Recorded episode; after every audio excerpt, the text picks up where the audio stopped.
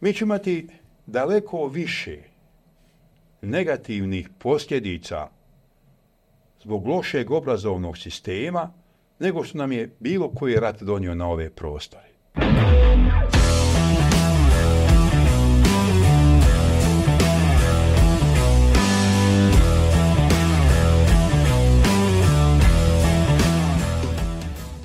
Poštovanje dobri ljudi, Dobrodošli u još jednu epizodu Beseda o obrazovanju.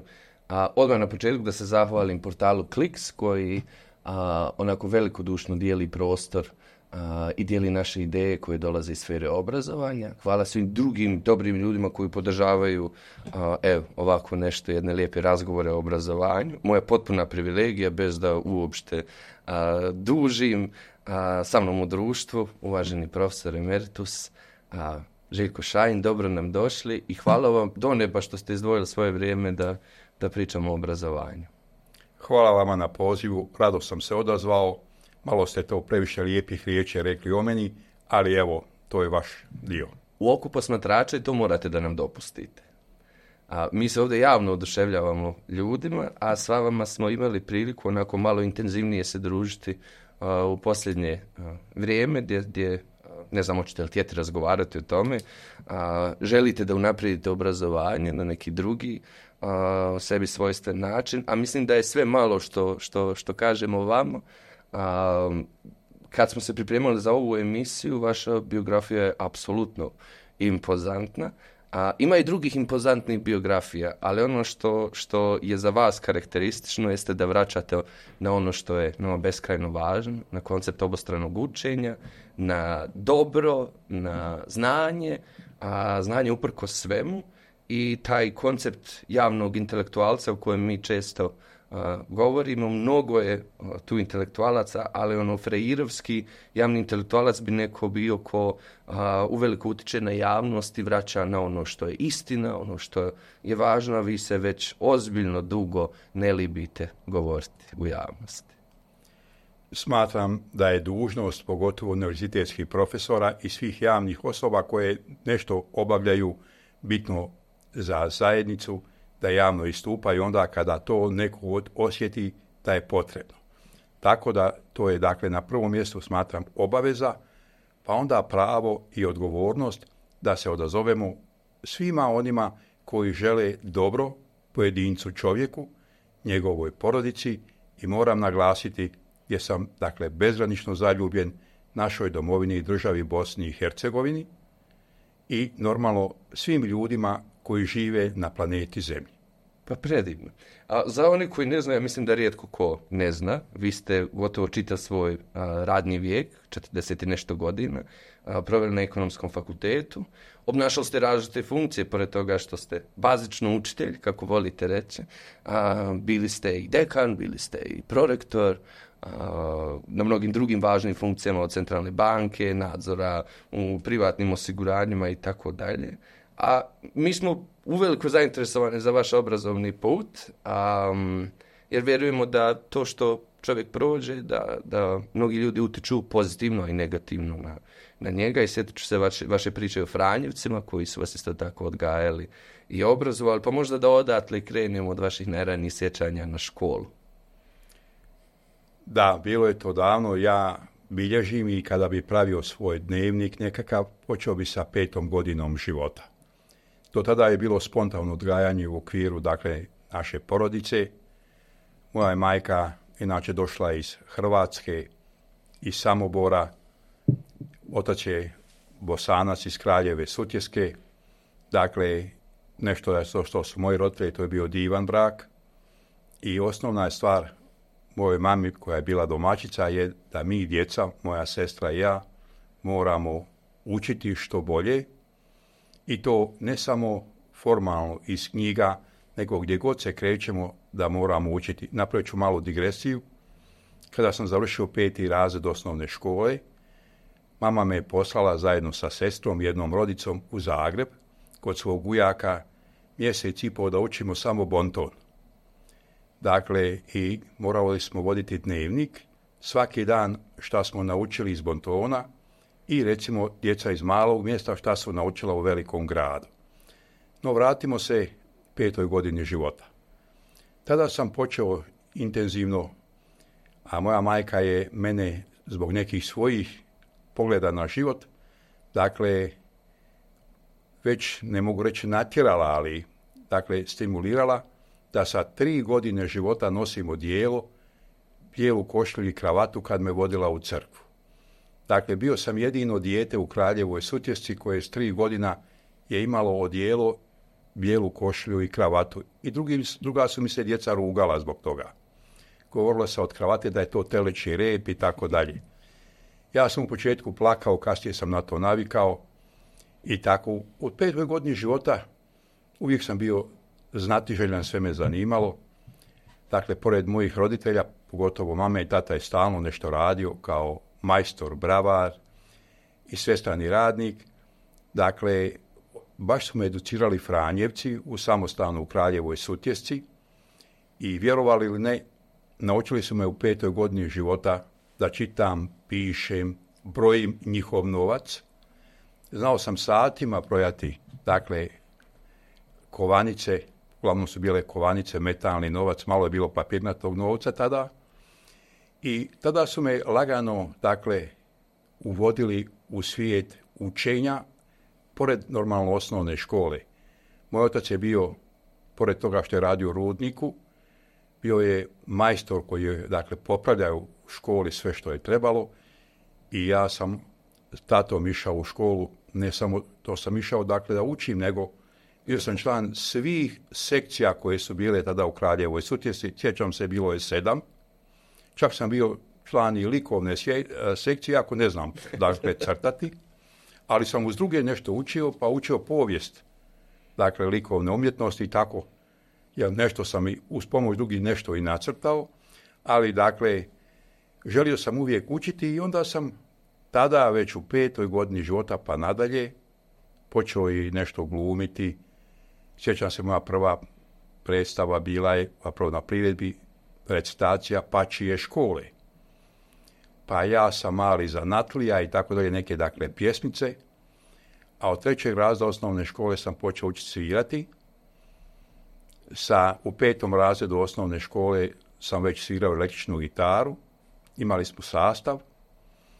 Dakle, u petom razredu osnovne škole su me Franjevci naučili voziti auto, mada po zakonu to nije se moglo, ali ja sam kriomice vozio Dakle, tako počeo nositi dugu kosu, to je recimo sredina 60. godina i svemu dakle opraštam normalno, ali nastavnik, kasnije profesor ruskog jezika nije trpio dugu kosu i zbog toga mi je dakle davao niže ocjene, iako sam bio odličan učenik, ja sam vrlo brzo uočio zakonitost, a to je pošto je polugodište bilo 15. januara, ja nakon novogodišnjih onih sviranja, 31. decembar, 1. i 2. januar, brzo odem se ošišati na vojničku, da tako kažem, frizuru, dođem u školu i tada mi profesor ruskog jezika čim uđe u razred da odmah peticu bez odgovaranja, ja se ošišao. Dakle, i gledajući šta radi direktor škole i nastavnici, šta rade Franjevci, ja sam već tada zavolio i sebi postavio cilj da bude, ako i kako mogu, učitelj. Dakle, bez obzira na ovu kasnije ova hijerarhiju tih prosvjetnih zvanja i moje smisao bio, dakle, uvijek uči za učitelja i to dvosmjerno. Uči od učitelja i drugih ljudi koji su umni i tako dalje, čak i oni koji nisu, jer uči se i na lošim stvarima, a ne samo na dobrim, i to što si naučio nesebično dijeli drugima. Jer kako mi kvantitativce, ja sam ekonomista kvantitativac, dakle volimo govoriti, samo se znanje dijeljenjem umnožava. I cijeli svoj život, dakle od pete godine do ove sada sedamdesete, učim dvosmjerno.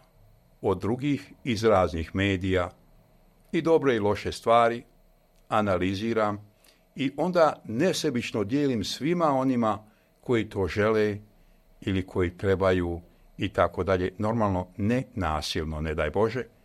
I tako veliki sam pristalica o svemu tome kineske poslovice. Prijatelja nikad dosta, jedan neprijatelj mnogo. I smatram da je čovjek bogat koliko ima prijatelja, i koliko voli raditi i kulturno komunicirati. te kultura dijaloga vam je važna. Izuzetno mi je. Pazite, kultura dijaloga mislim da je to jako oskudna u današnje vrijeme. Svi se bavimo nekim relativno agresivnim oblikom komuniciranja, ne samo dakle riječu nego i dijelima, a to nije dobro. Da li su ti neki ljudi koji za, vrijeme vašeg odrastanja uveliko utjecali na vas? jel se sjećate nekih svojih učitelja nastave, osim tog profesora ruskog što je da, dao jedan zbog kose? I ako mogu, malo izlopotrijebite ovu Samo, emisiju. se.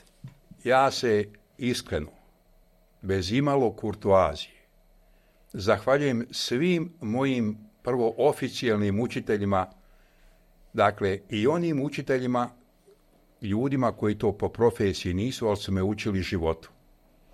Prema tome javno im se zahvaljujem, većina njih je nažalost već otišla, što bi rekao Đorđe Balašević, da ore nebeske njive. Javno im se zahvaljujem i kakav god da sam, ja sam dakle njihov produkt, pored onoga što su moji roditelji na mene uradili, a sjećam se kako da ne. Pazite, dakle, i čak one učiteljice, opet sve joj opraštam, Možda će današnja generacija ili ko bude slušao, neki manje shvatiti, neki neće uopće shvatiti.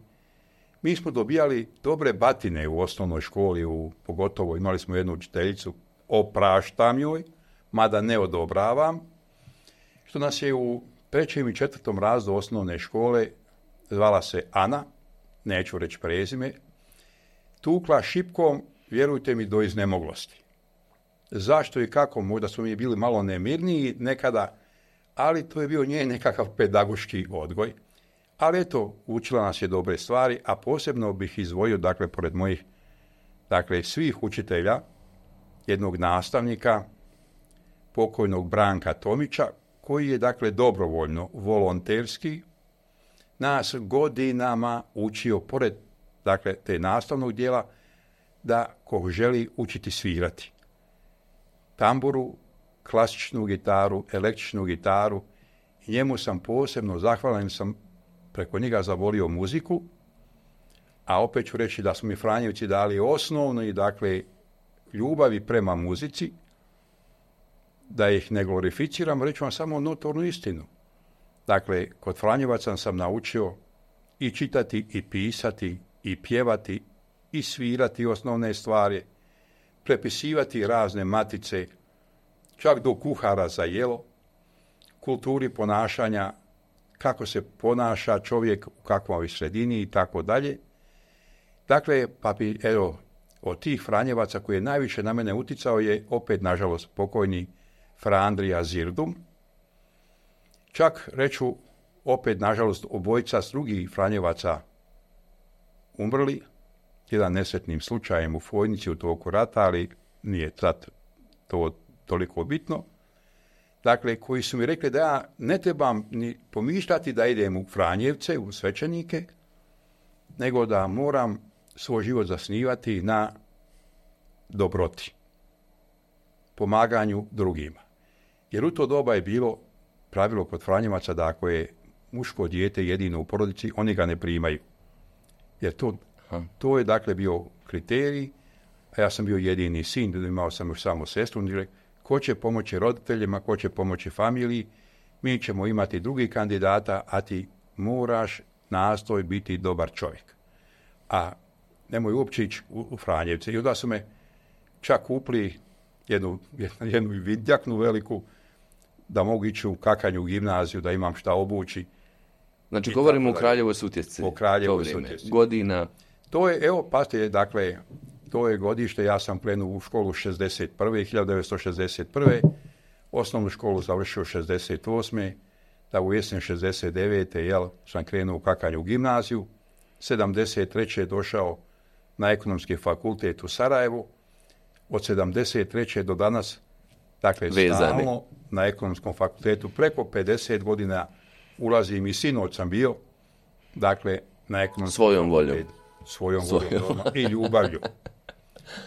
um, sad kad, evo, ima, imate taj, taj, taj, taj jedan odmak od, od nekog drugog vremena, od, od, te Jugoslavije koju jedni demoniziraju, drugi romantično uzdižu.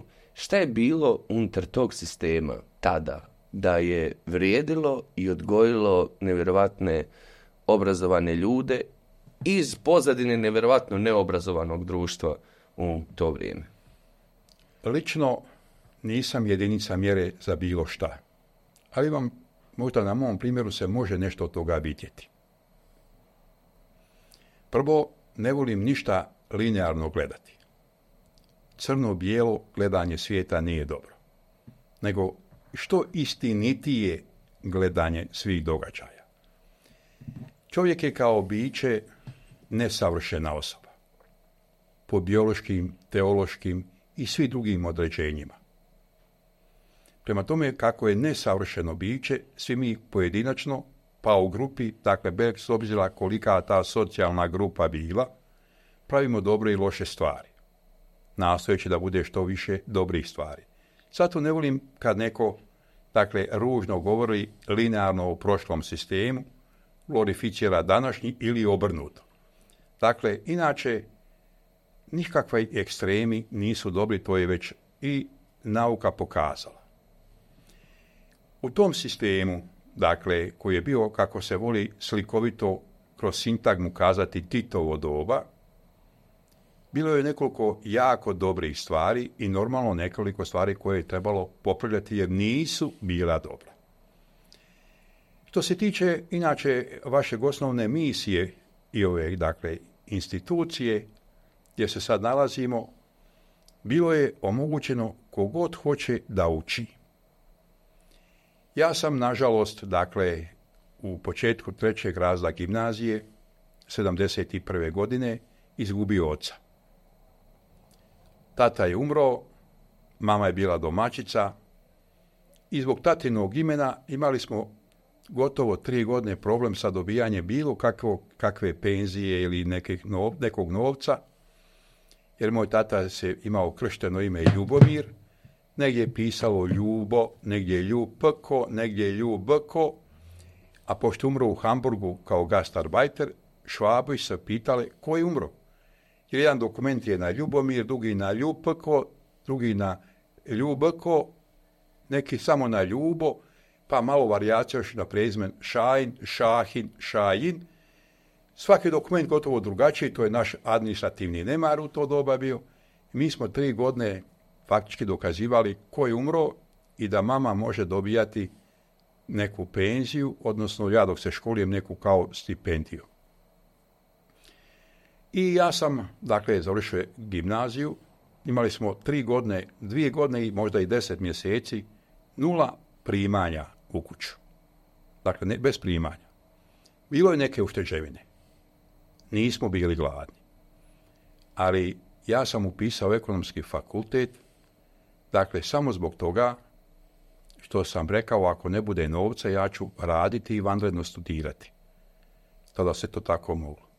Ja sam inače izvorno želio, takav sam imao dogovor i sa ocem, da studiram dva fakulteta, da studiram matematiku i muziku, muzičku akademiju. Dakle, jer sam se uvijek želio baviti muzikom, pogotovo komponiranjem, pored sviranja, ali eto, znate, kad izgubite oca u trećem razdu gimnazije, onda trebate nešto osmisliti. I ja upiše, upisujem ekonomiju samo da bih mogao možda raditi i studirati. Ali tada se pojavilo da su općine davale studentske kredite, e to je dobro iz tog sistema, koji su bili jako stimulativni ti, te, taj kredit koji sam ja digao da bi upisao ekonomski fakultet, mjesečna dotacija tog kredita u vidu stipendija koje ste morate kasnije vraćati, bila je dovoljna da pokrije dom i menzu u Sarajevu. E sad druga je stvar što sam ja, zahvaljujući dobroti moje, nažalost sad pokojne sestre i zeta, oni me primili u Sarajevu ovdje pa nisam plaćao ni dom ni menzu, pa sam mogao taj kredit koristiti za ostale troškove. Bio je dakle taj kredit u tom sistemu da ako na vrijeme završite, bez obzira na prosjek, 50% se kredita oprašta. Ne Ako imate prosjek preko 9 i, i završite na vrijeme, 100% se otpisuje kredit. sve je bilo skalarno, prosjek preko 8, prosjek preko 7 i tako dalje u procentima koliko se, koliko se kredita oprašta. Ja sam završio malo prije roka sa prosjekom preko 9 i meni je sav kredit oprošten. Ali, zahvaljujući opet matematici, nakon prve godine kada sam dobio 10 iz matematike, krenuli su instrukcije i vjerujte mi, imao sam solidno novca, jer toliko je ljudi tražilo instrukcije iz matematika, na ekonomiji se uče više matematika, da sam ja, dakle, pored kredita, do prote sestre i zeta, i ovaj, tih instrukcija, a onda smo odmah nakon prve godine izabrali za demonstratora, pa i tu dobijao honorar, dakle imao dovoljno novca. Ali pored dakle tog učiteljskog dijela, mogli se učiti kogod je htio, koliko god je htio i mogao je dobiti dakle financijsku potporu. Druga stvar, to je generalna sigurnost, generalna bezbjednost koja je vladala tada. Pazite, to je i jedna perspektiva. Vjerujte mi, kako sam ja uvijek volio da čitam, učim, uvijek da radim, tako da sam ja, recimo, svoj prvi studentski honorar van učenja zaradio prodajući 73. godine u jesen karte za prvi veliki koncert bijelog dugmeta i, ostalih ostali sastava koji su još uvijek bili dakle na vidiku i znam da sam za prodaju 100 karata za taj koncert kupio sebi cipele od provizije. Dakle, moglo se uvijek zarađivati, bila je sigurnost, bila je perspektiva. Kada sam završio studije, dobio sam odmah i u toku studija dobio sam pet ponuda za posao. Čak jedan od direktora mi, koga sam, on je bio direktora, nije imao završen fakultet, pa ga ja učio matematiku koji me lijepo plaćao, ću samo da je bio iz Gračanice, kada je položio matematiku, ja sam još uvijek bio student, donio mi je ključeve od osobnog stana u Gračanici i kaže, iako nisi završio, primam te na posao, evo ključevi od stana možeš odmah useliti, a znam da ćeš za koji mjesec diplomirati, dakle sve će biti u redu i lako ćemo zagovoriti o plati. Ja sam mu se zahvalio jer ja sam uvijek želio da budem učitelj i sanjao sam da ostanem na fakultetu, što sam već krenuo kao demonstrator. Međutim, onda kada sam diplomirao, dakle, u junu 77. Takav je sistem opet bio. S druge strane, trebao mi je neko kao ja, otprilike u omladinskoj organizaciji. I onda su me sistemom telefona Savez socijalističke omladine jeste u Savezu socijalističko mladne i paste nešto. Ja sam tamo otišao na telefonski poziv. Ste bili sekretar? Ne, ja sam, paste nešto, ja sam dakle bio član sekretarijata ok predsjedništva, kako se to reći u punim imenom, da će to malo možda zbun Bio sam član sekretarijata predsjedništva Republičke konferencije Saveza socijalističke omladne Bosne i Hercegovine. I pazite, tu sam jako puno naučio. Reću vam samo da su moje tada kolege bile najizrasliji ime u to doba, jel, odnosno danas, je Bogić Bogićević. Mi smo radne kolege. I bilo je još ljudi, jel, ali evo, pošto je Bogićević obavljao i dužno člana predsjedništva Jugoslavije, a bio je predsjednik omladne Jugoslavije, Dakle, ovaj, eto, Bogić je od nas bio najizrazitiji. Mi smo, pazite, radili stvarno dobre stvari. Recimo, naše dijelo je između ostalog izgradnja drugog kolosijeka pruge od Doboja do Zenice, pazite, od 1. aprila 78. do 25. novembra 78. mi smo napravili 100 km elektrificirane pruge sa više mostova, više tunela, i voz je 25. novembra prošao sasvim normalno tom prugom. Pazite, dakle, od 1. aprila kada je prva krampa zabijena u zemlju do 25. novembra 100 km rijeku Bosnu smo pomjerili. Dakle, njeno korito zbog potreba dakle, te pruge. To je jedan od, od, dakle, naših aktivnosti, a bilo ih je dosta.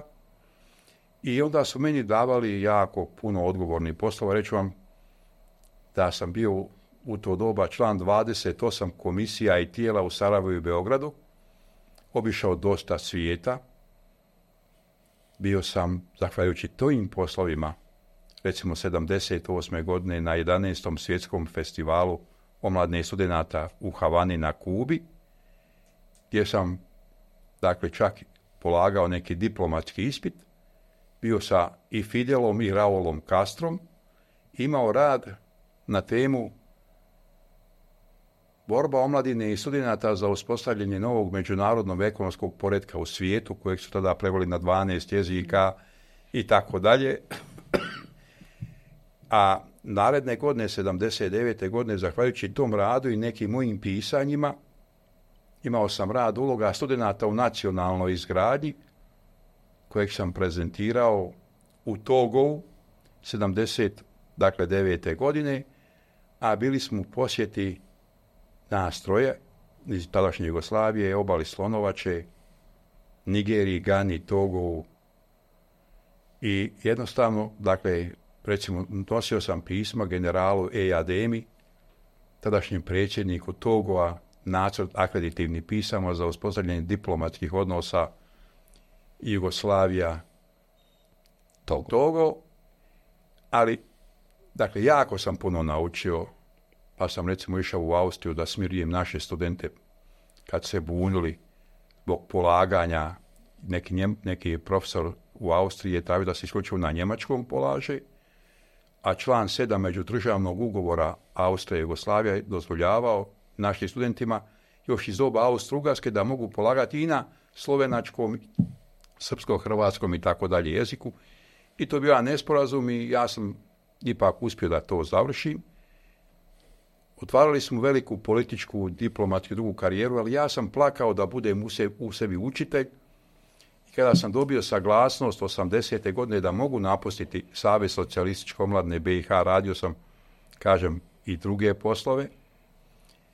Ja sam bio presretan i otišao sam na jednu trećinu plate koju sam do tada imao i pjevao od sreće, jer sam došao nazad na fakultet, u kabinet, da mogu bez tih velikih putovanja, bez velike plate, bez luksuznih automobila i lijepo života za gledati sa strane, ali ja sam došao u svoje, pod navodnicima, kraljevstvo nebesko, da mogu učiti od drugih i ja učiti druge i taj moj poziv, želja da budem učitelj, dakle, tada se ostvaruje jako lijepo i od tada, dakle, sam u kontinuitetu, ne, gledajući na demonstratorski rad, ali dakle asistent pripravnik od 1980. evo do sinoćve nekih aktivnosti na fakultetu. U kontinuitetu računajući sve sekunde rata u Sarajevu, jer sam u ratu vodio ekonomski fakultet. ćemo jednu zanimljivost. Dakle, kada je bila ona opća mobilizacija 1992. godine, Normalno ja sam došao na svoje radno mjesto na fakultet i stavio se na raspolaganje nadležnim državnim strukturama. Pošto su me svi znali, jer pazite, još iz omladinskih dana i tako dalje, i znali su, dakle, po nekoj šemu, nisu su već napravili neku šemu, meni su rekli da je moj ratni zadatak da vodim fakultet. Kao ratni sekretar, bez obzira što je fakultet i tada imao dekana, prodekana, ali znate, neko ko će koordinirati, jer ekonomski fakultet ima tri izgrade i jedan stan.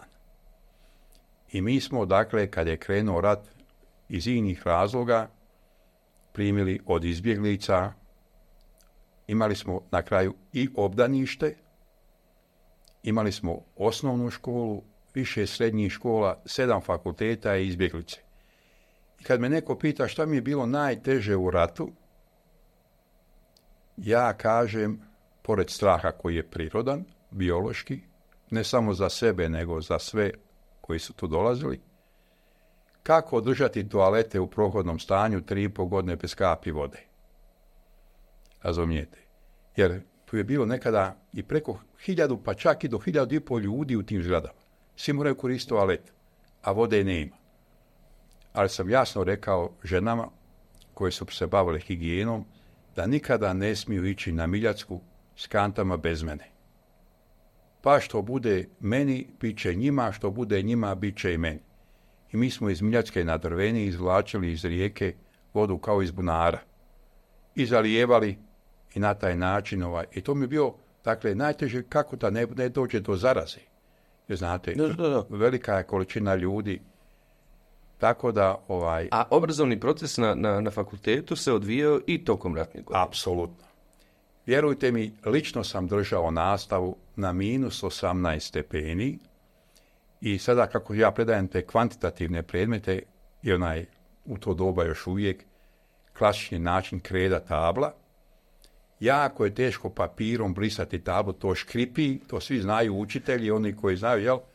Ako su nekad probali papirom obrisati tablu, dakle, to jako škripi, normalno ono nas ne može dobro ni obrisati i znam da je i pazite, sjećam se jedne situacije, dolazi tadašnja direktorica srednje ekonomske škole, pošto ekonomska škola u Pofalićima, bila je mm.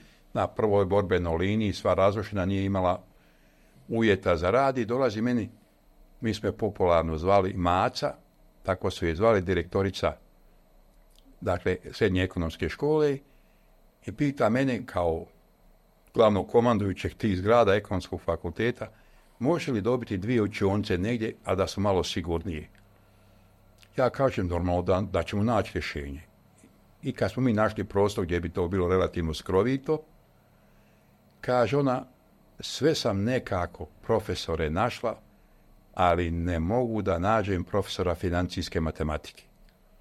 Kažem ja, našli ste profesora financijske matematike. Ona men kaže, ma niste me dobro čuli. Nisam našla profesora financijske matematike. Ja nju kažem, gospođo direktorice, da vas upozorim, našli ste profesora financijske matematike. Kaže na kako?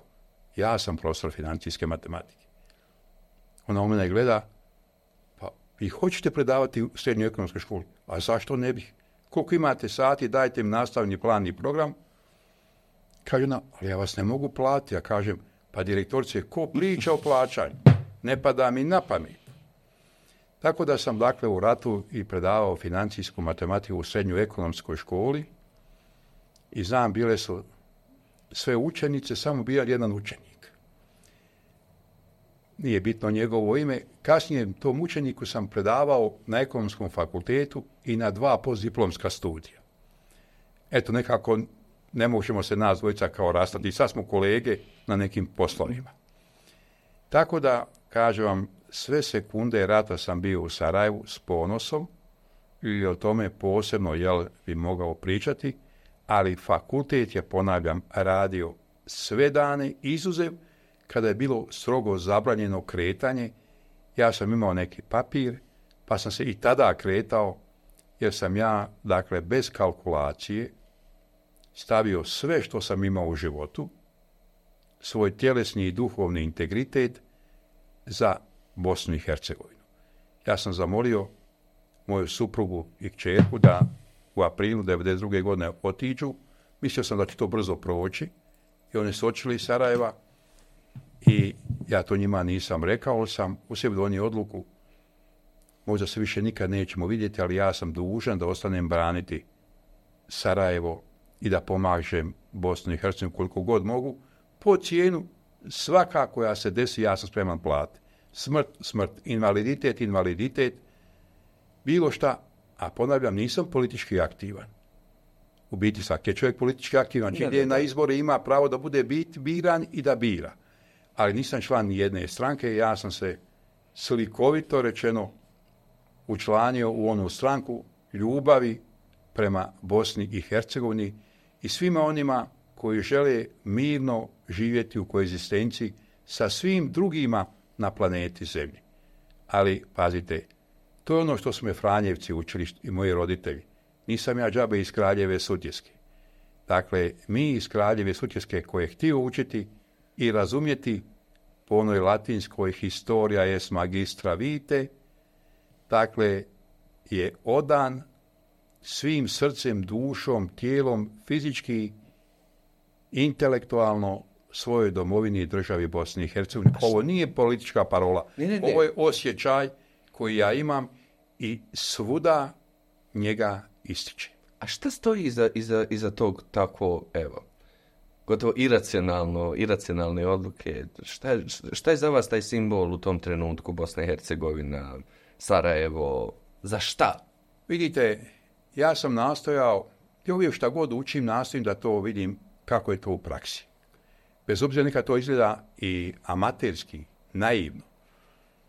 Kada sam u prvom razdu gimnazije učio latinski i u drugom, i kada sam naučio među prvim rečenicama i riječima tu izreku historia es magistra vite, a poslije toga na časovima historije ili istorije ili povijesti, a da to ja razlikujem i dobio sam i ovaj obrazloženje da sam u pravu sa mojim shvatanjem šta je povijest, a šta je historija, da to nisu sinonimi, ali se tako podrazumijevaju. Dakle, i učeći dakle, sve što je bilo na ovim prostorima. Pa ako hoćete, eto, malo detaljnije, od 1463. godine na ovamo, da ne idemo dalje u povijest, a ni u historiju, dakle, i znajući pogotovo šta se dešavalo za vrijeme drugog svjetskog rata, pardon, i šta je bilo za vrijeme ovog rata, pazite, ja sam to sve poslagao rekao da bi ja živio u ovakvoj prvoj Jugoslaviji, koja mi je omogućila opet da stičem ljubav, da koliko znam dobrotu, da završim fakultet, da dobijem stan koji sam kasnije bud zašto otkupio, i to je bitno,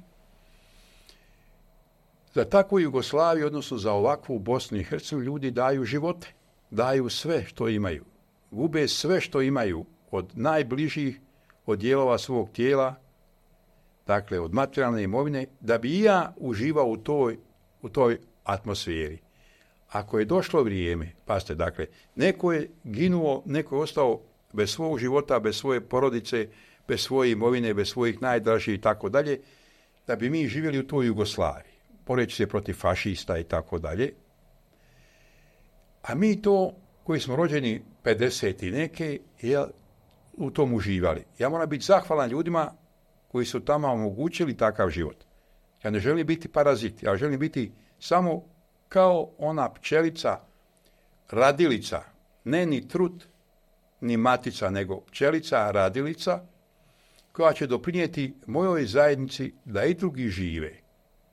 Prema tome, dakle, ja sam smatrao svoju obavezu i dužnost da pomognem kada je došla u opasnost Bosna i Hercegovina, da branim kako znam i umijem.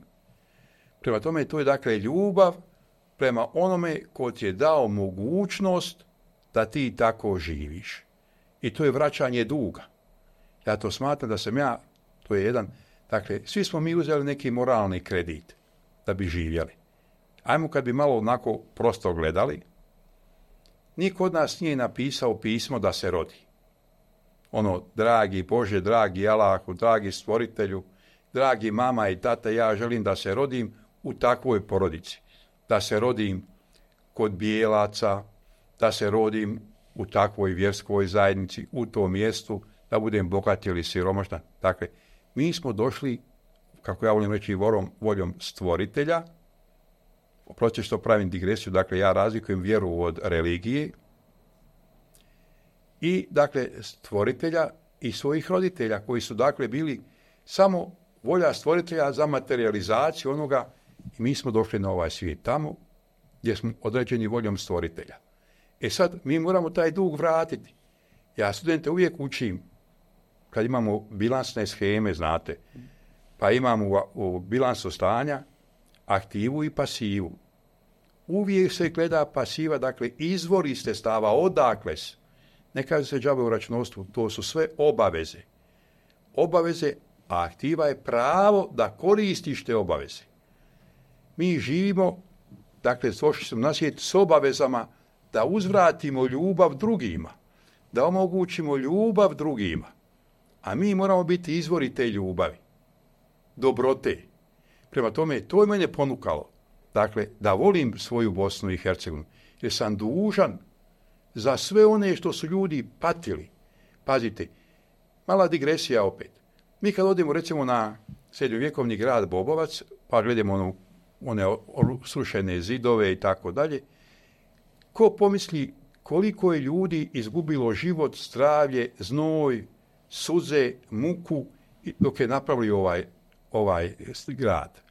Kad gledamo piramide, kad gledamo kineski zid, svi se dive, a ja sam hodao kineskim zidom, A sam se postavio, dakle, pitanje, Bože moj, koliko je ljudi ovdje uradilo, izginulo, gladovalo, da bi ja sada kao turista hodao ovim, ovim kineskim zidom. Prema tome, dakle, mi smo dužni da vraćamo ono što smo posudili od naših prethodnika i da što obogatimo to, vratimo našim generacijama koje dolaze. Dakle, mi smo u principu dužnici. I zato ja sam dužan Bosni i Hercegovini. Ja sam dužan bivšoj Jugoslaviji na životu, na odrastanju. Pitanje je da li bi ja završio fakultet da nije bilo to kredita.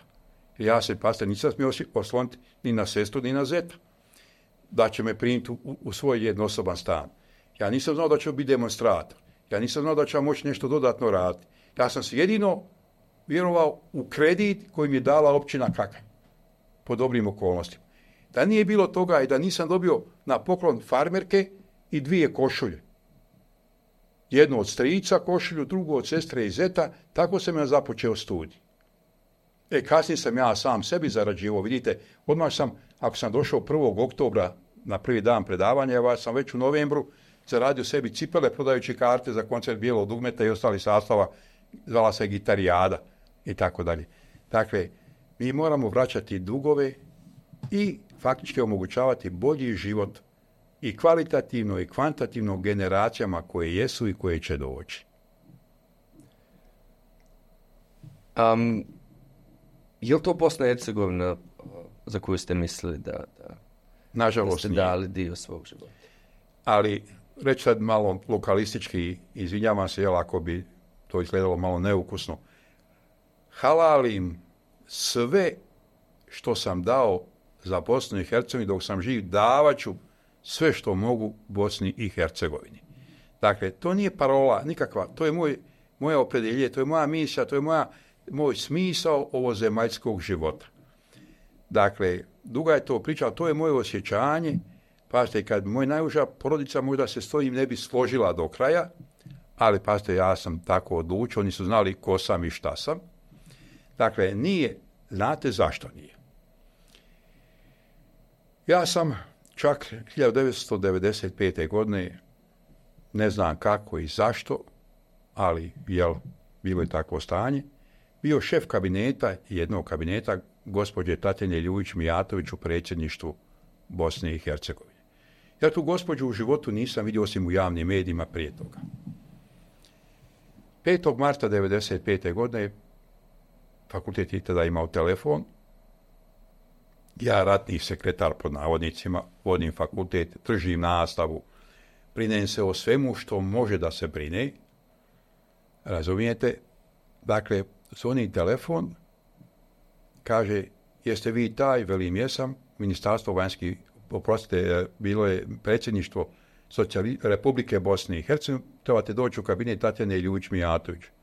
kažem mu oprostite, zašto? To će vam sreći kad dođete. Dođite odmah. Ja, šta ću? im? Pa. Kažem mojim tamo saradnicama, pošto su žene ratu radile, jel, malo je bilo profesora muškaraca i ostali, mene zovu u predsjedništvo, i da vidim šta je. Ja sam pomislio da treba neko specijalno kopanje jer nešto, znate, od toga uvijek bilo. Dolazim i da vam skratim priču. Dakle, gospođo ljuvić Mijatović, nisam u životu uživo vidio prije toga. Dolazim, kaže oni, e, ona je otišla kod predsjednika Izetbegovića, pa rekla da sjednete u njen kabinet. Ja kažem, ko ima u njenom kabinetu, nema niko, ja neću sam u kabinetu da sjedim. Dobro, onda je, dolazi ona brzo, i kaže, šefe, čestitam, imenovali ste za šefa mog kabineta. Ja kažem, ja okrećem se ma ko je imenovano? Prosto je neka je greška. I da, ok. Dakle, tako sam 95. godini do 31. decembra kada sam zamolio da se vratim na fakultet Dayton potpisan i tako dalje. Imaš drugi povratak na... Pa ja nisam ni napuštao, pa ja sam trčao slikovito između predsjedništva i fakulteta, ja sam i dalje bio na fakultetu. I ovaj, dakle, uvijek sam radio više poslova. Uvijek. Jer moj hobi rad. I ovaj, tako da sam jednostavno upoznao i tada je bio jedan lijepi pogled kako će se graditi Bosna i Hercegovina. 95. 96. Kasnije su se mnoge moje, moja nadanja, želje, snovi, nažalost, nisu ostvarili. A glavni je razlog što jednostavno politika je uzela toliko maha, pogotovo politikanstvo, da je struka jako istisnuta i politika ne da struci da radi svoj posao. Znate, i to ja, to ja svima govorim, pa zato nisam baš omiljen razumijete, kod mnogih ljudi u sferi politike, ja koji imam uvijek kulturu komuniciranja, apsolutno ja sam za kulturu komuniciranja, ukazivao sam i pišem i govorim mnoge stvari koje smatram u sferi ekonomije i međuljudskih odnosa i tako dalje, šta ne valja i uvijek napišem ono što mislim, kažem kako bi trebalo biti bolje, a oni koji donose odluke ponose onako kako oni smatraju. Istina, meni je nuđeno da uđem u politiku, čak do najviših državnih funkcija. Međutim, ljubav prema učiteljskom pozivu je jača od svega. Dakle, mene nije privlačila ni jedna funkcija u politici profesionalno i kada su mi nudili prvo da potpišem za neke stranke, dolazili u kabinet, nagovarali, ja sam to dakle rekao hvala, ja želim da radim na izgradnji BiH, ali kao učitelj. Da ja učim i da učim drugi. Dakle, učiteljski poziv je za mene neprikosnoven, to je sveti poziv. Učitelji, kad kažem učitelj, mislim na nastavnike, profesore, odgajatelje, dakle od, od vrtića i tako dalje, pa do Akademije nauka, je najsvetije zanimanje koje postoji na planeti Zemlji. I moramo svi mi znati koji smo u prosvjeti bilo koje od vrtića, od vrtića do Akademije nauka, da smo, imamo poziva, ne profesiju, jer znate razlika između poziva i profesije.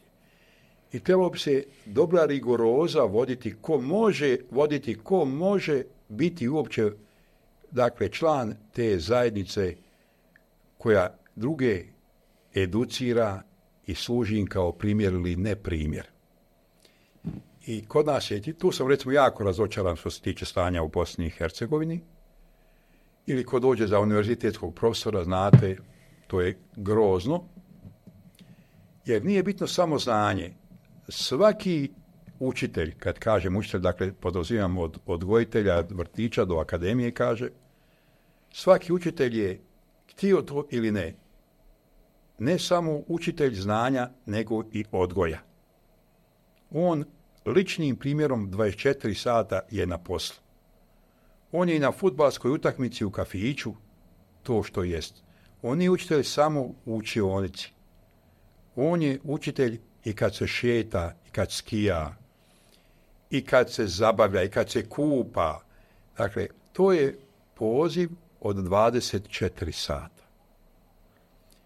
I u tom pogledu, dakle, sve stvari koje se dešavale pa u sferi ekonomije, pardon, ja sam, dakle, vidite, bio glavni ekonomista voljom državnih organa i crkvenih organa za dolazak pape 97. godine.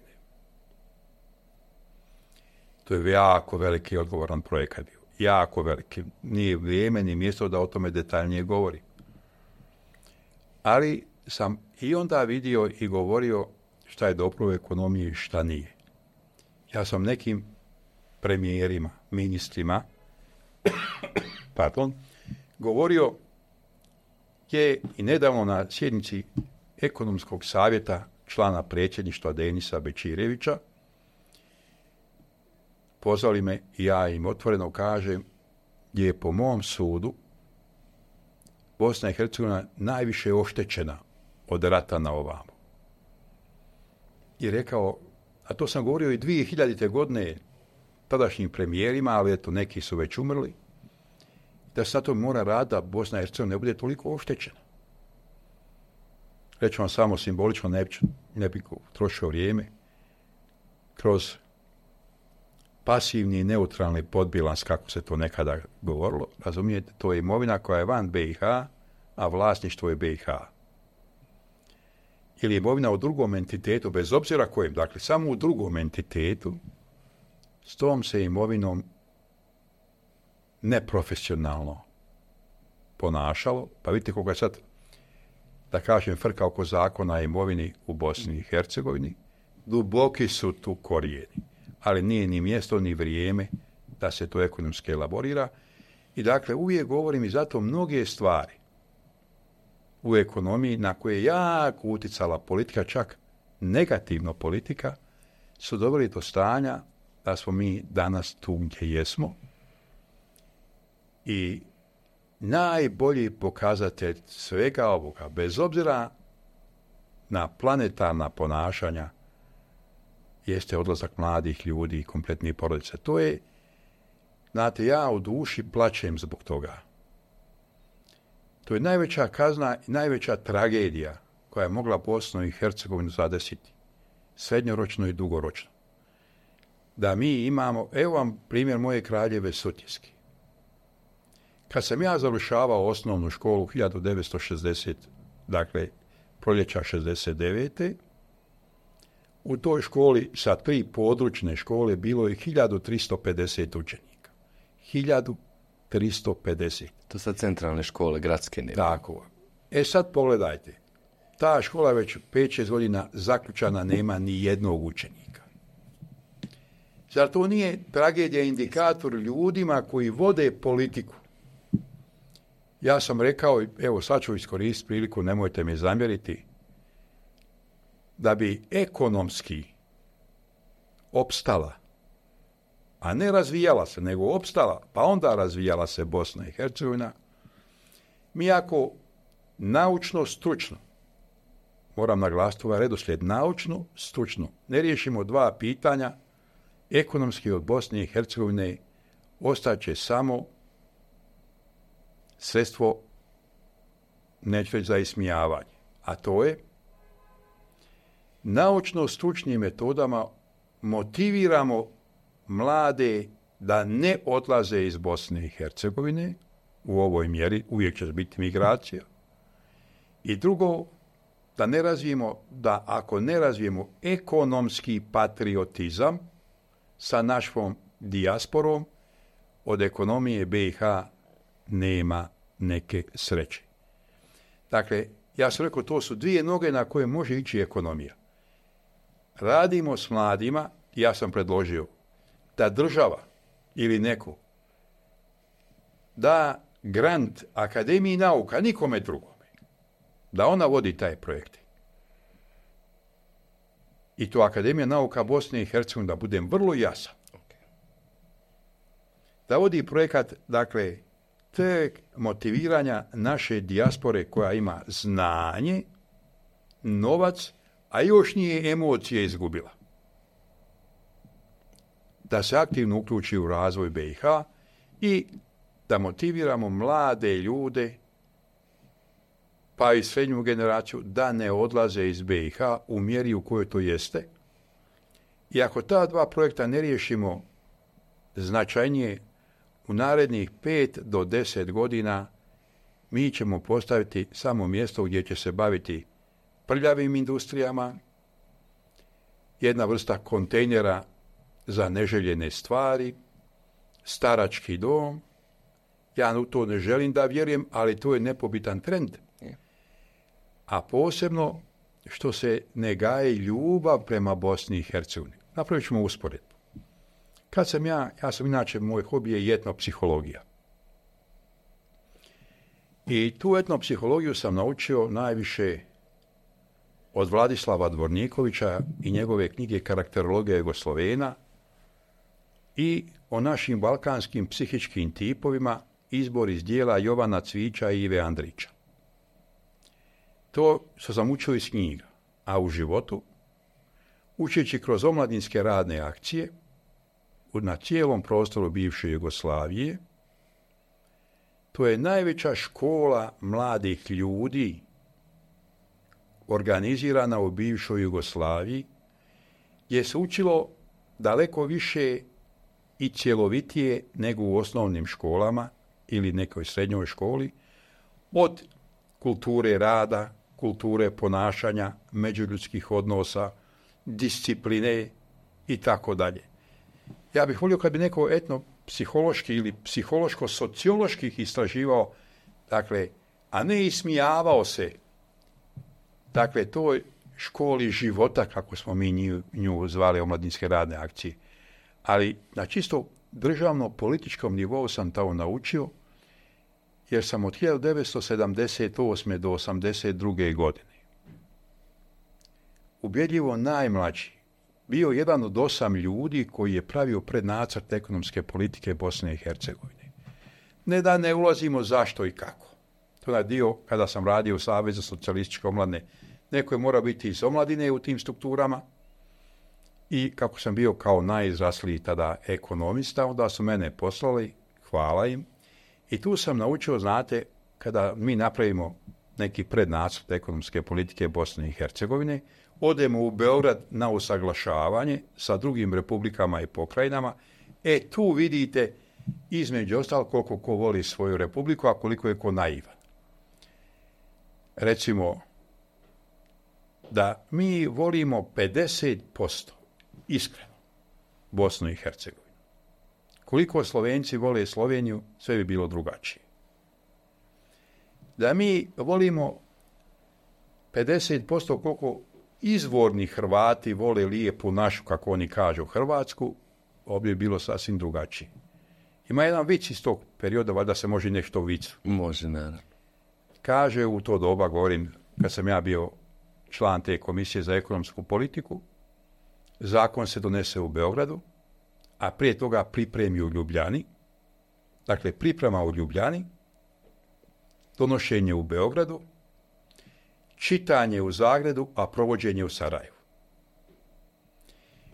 I reću vam u to doba kad sam ja sve to izučio, i imao što bi rekli crno na bijelo, ja sam kao mladi asistent želio da napišem rad koliko je tadašnjih milijardi dinara, dakle, Bosna i Hercegovina izgubila zbog neprincipijelnu politiku, kako se to zvalo, raspodjele dohotka kroz primarnu raspodjelu dohotka i politiku cijena.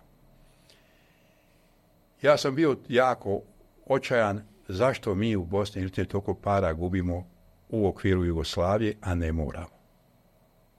Tada me jedan mudri profesor povukao na stranu, kad sam ja njemu rekao da ću to, i molio ga da mi napravi recenziju, povukao, rekao mi, parafrazirat ću ga, umro je, mali, jel ti misliš u zatvoru završiti? Ne piši to. Pusti to, neš ti krivu drinu ispraviti. A to je bilo, ću vam samo jedan insert, da eto, ne bude totalno abstraktno, kroz politiku cijena. Nama u Bosni i Hercegovini to doba nisu dali da razvijamo prerađivačku industriju. Recimo, mi nama kažu, možeš balvan prodati, ali Sloveniji po cijeni recimo od 100 maraka, a Slovenija će vama u Bosni prodavati regale, namještaj. krevete, namještaj po slobodnim cijenama. Razumijete, kroz taj i slične primjere Bosna i Hercegovina je kupila milijarde dinara. Te kada su ljudi koji su vodili kasnije Bosne i Hercegovine punim pucima, a omogućuje ustavi 74. Pazite, tada su poslije toga krenuli naši i šipadi i Krivaja, i Konju.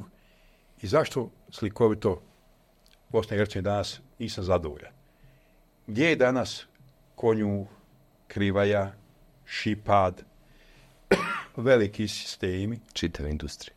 Prema tome, pazite, ko danas govori o fabrici duhana Sarajevo?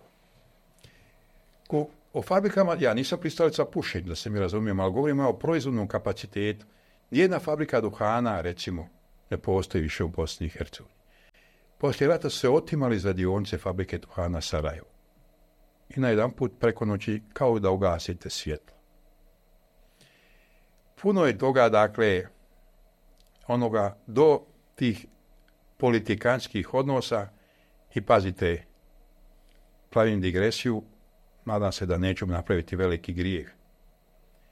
Zašto svjetska civilizacija ide ka svom završetku u dokledno vrijeme? Zašto Bosna i Hercegovina, ajmo sad ipak ostati u Bosni i Hercegovini, ne ide kako treba? Rade se dvije, a na planeti Zemlji tri velike zloupotrebe. Jedna je zloupotreba nauke, drugo je zloupotreba vjere i za planetu Zemlju zloupotreba ženskog tijela. Jer ako se mjesto rađanja pokvari, slikovito rečeno, kloniranje i ostale stvari, mi nećemo imati više normalnog čovjeka, biološki proizvedenog. Ako nemate normalno proizvedenog čovjeka, u lošem odgojno obrazovnom sistemu, mi ćemo dakle imati nešto što je Orwell napisao u svojoj 1984. Ne zaboravimo da je knjiga objavljena 1939. Molim vas, 39. Jedno oko te gleda, mada je to, razumijete, on malo uzeo iz Biblije, gdje piše jedno uvijek, uvijek gleda, ništa mu se sakrit ne da, slikovito rečeno. Dakle, i kad imamo nenormalno rođenog čovjeka, neprirodnim, zdravim, biološkim putem, uđe u nedobar obrazovno-odgojni ili odgojno-obrazovni sistem sa zagađenom hranom, vi ne možete imati slikovito zelenu ekonomiju. Dobre, dakle, međuljudske odnose i to taj sumnak. Međutim, može se sve još uvijek popravljati i zato kažem, moramo birati najbolje ljude, najstručnije za odgojitelje, za učitelje svih nivoa. To je jedini recept za spas i Bosne i Hercegovine i planete Zemlje. Mi Bosnu i Hercegovinu, pazite, ja sam čovjek koji je od 2000. godine pa aktivno do 2016. Dakle, 16 godina.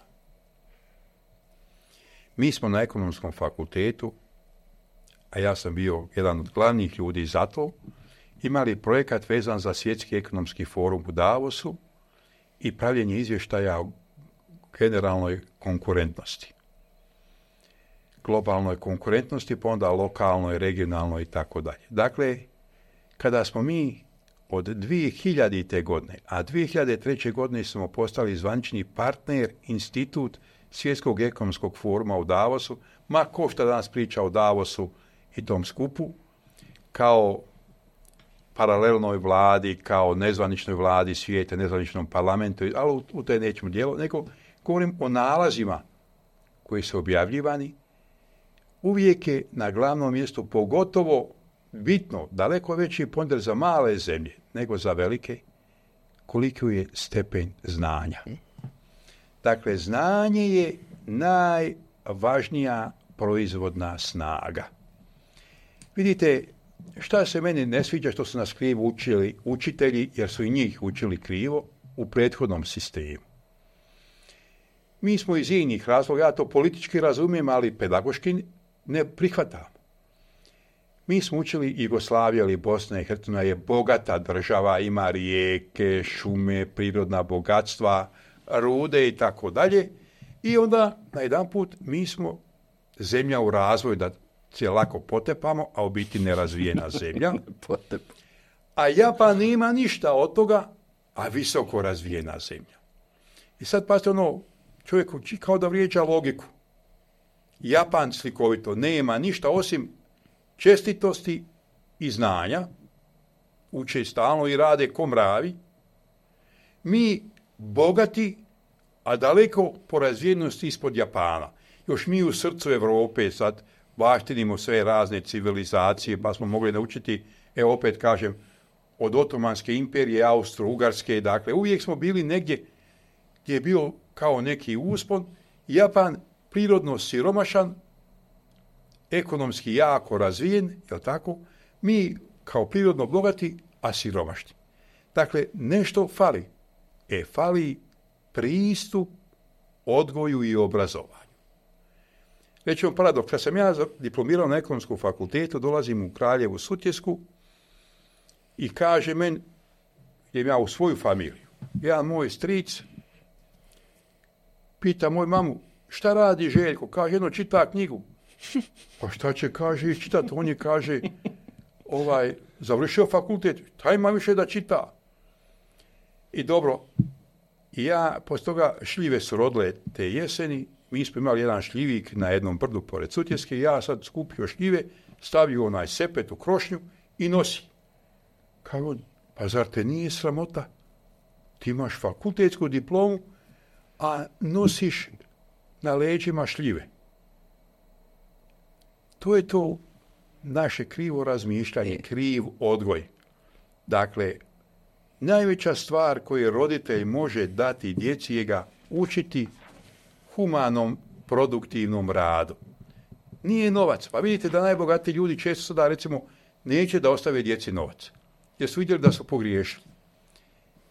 Moj, ja sam isto roditelj, normalno da sam dijete nekih roditelja. Najviše što roditelj može dati djetetu je naučiti ga da zavoli rad i to produktivan i human, a ne švercerski rad. Uvo e, stoji vam, ovo, ste vjerojatno tražili, poruka za budućnost, kad se vaša biografija iščitava, neprekidno učiti humano, produktivno primjenjivati znanje. Apsolutno. Pazite, to je moj recept za svetan život.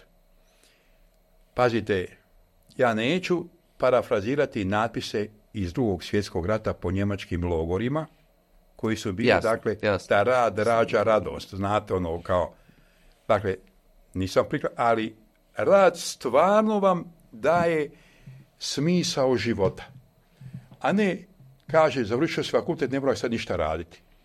Pa što si obrazovaniji, moraš još više raditi.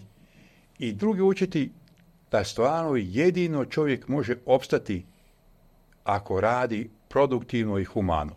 Jer pazite, mene opet na srcu boli kad ja vidim oko mog nebodera gdje živim u Pofalićima koliko ima kladionica. Vidite, neću, inako sam kod nekih tih bogatuna, mada me ne znači ništa, uvijek govorim javno svoje mišljenje, čak do sam neki poručio do neke dijelove hercegne ne dolazim. Niste dobrodošli. Jer sam protiv kladionica kao psihološko-socijalne i ekonomske pojave. Pardon. Nama će više zla nanijeti.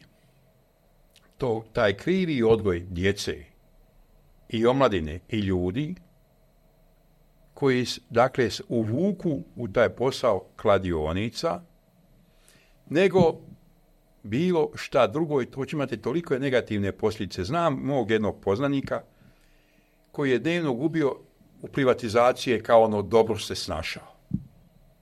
I postao je pa milioner. Sad pita ko će mu plat kafu, sve pare ostaju u kladionci. U prosjeku je, isračunali smo mu, dnevno gubio 2000 maraka. Dnevno. U prosjeku. Dok nije sve izgubio. Tu je jako loša poruka i država mora na tome raditi. Ja sad neću reći ko je vlasnik i koliko je ljudi vlasnik radionica. koliko se je plaćalo poreza i tako dalje. Reću vam još jednu samo istrgnutu rečenicu. Da se korektno plaća porez. I svi oblici poreza koji jesu, a ima i neopravdani porez, ali to je druga stvar, mi bi imali uduplan budžet sa postojećim obimom prometa roba i usluga. Toliko se u taj poreza. Pazite, čitao sam prije nekoliko godina poslovanje nekih jako popularnih ugostiteljskih objekata na putu prema moru. Moram biti ovako da mi... Da vam ne zamjeri jer morate stati nekad. Jest. Kaže, promet, dnevni promet 120 maraka. A ja poveo neko drugo, društvo ja platio 140 maraka. Dakle, ni mene nisu jedno kao tako uveli u cijeli sistem, a da neću govoriti o drugim stvarima koji su dakle jako osjetljivi, a pošto ja nisam istražni organ, niti ovo karakter takve emisije, samo vam govorim, dakle, bez odgoja i obrazovanja u smislu šta znači produktivan humani rad, mi nećemo opstati kao ljudsko društvo. Mogu vam samo nešto pitati? Šta me proganja? jako pažljivo slušam. kad ste vi gradili svoj identitet, i baš kad sam vas pitao zašto, um,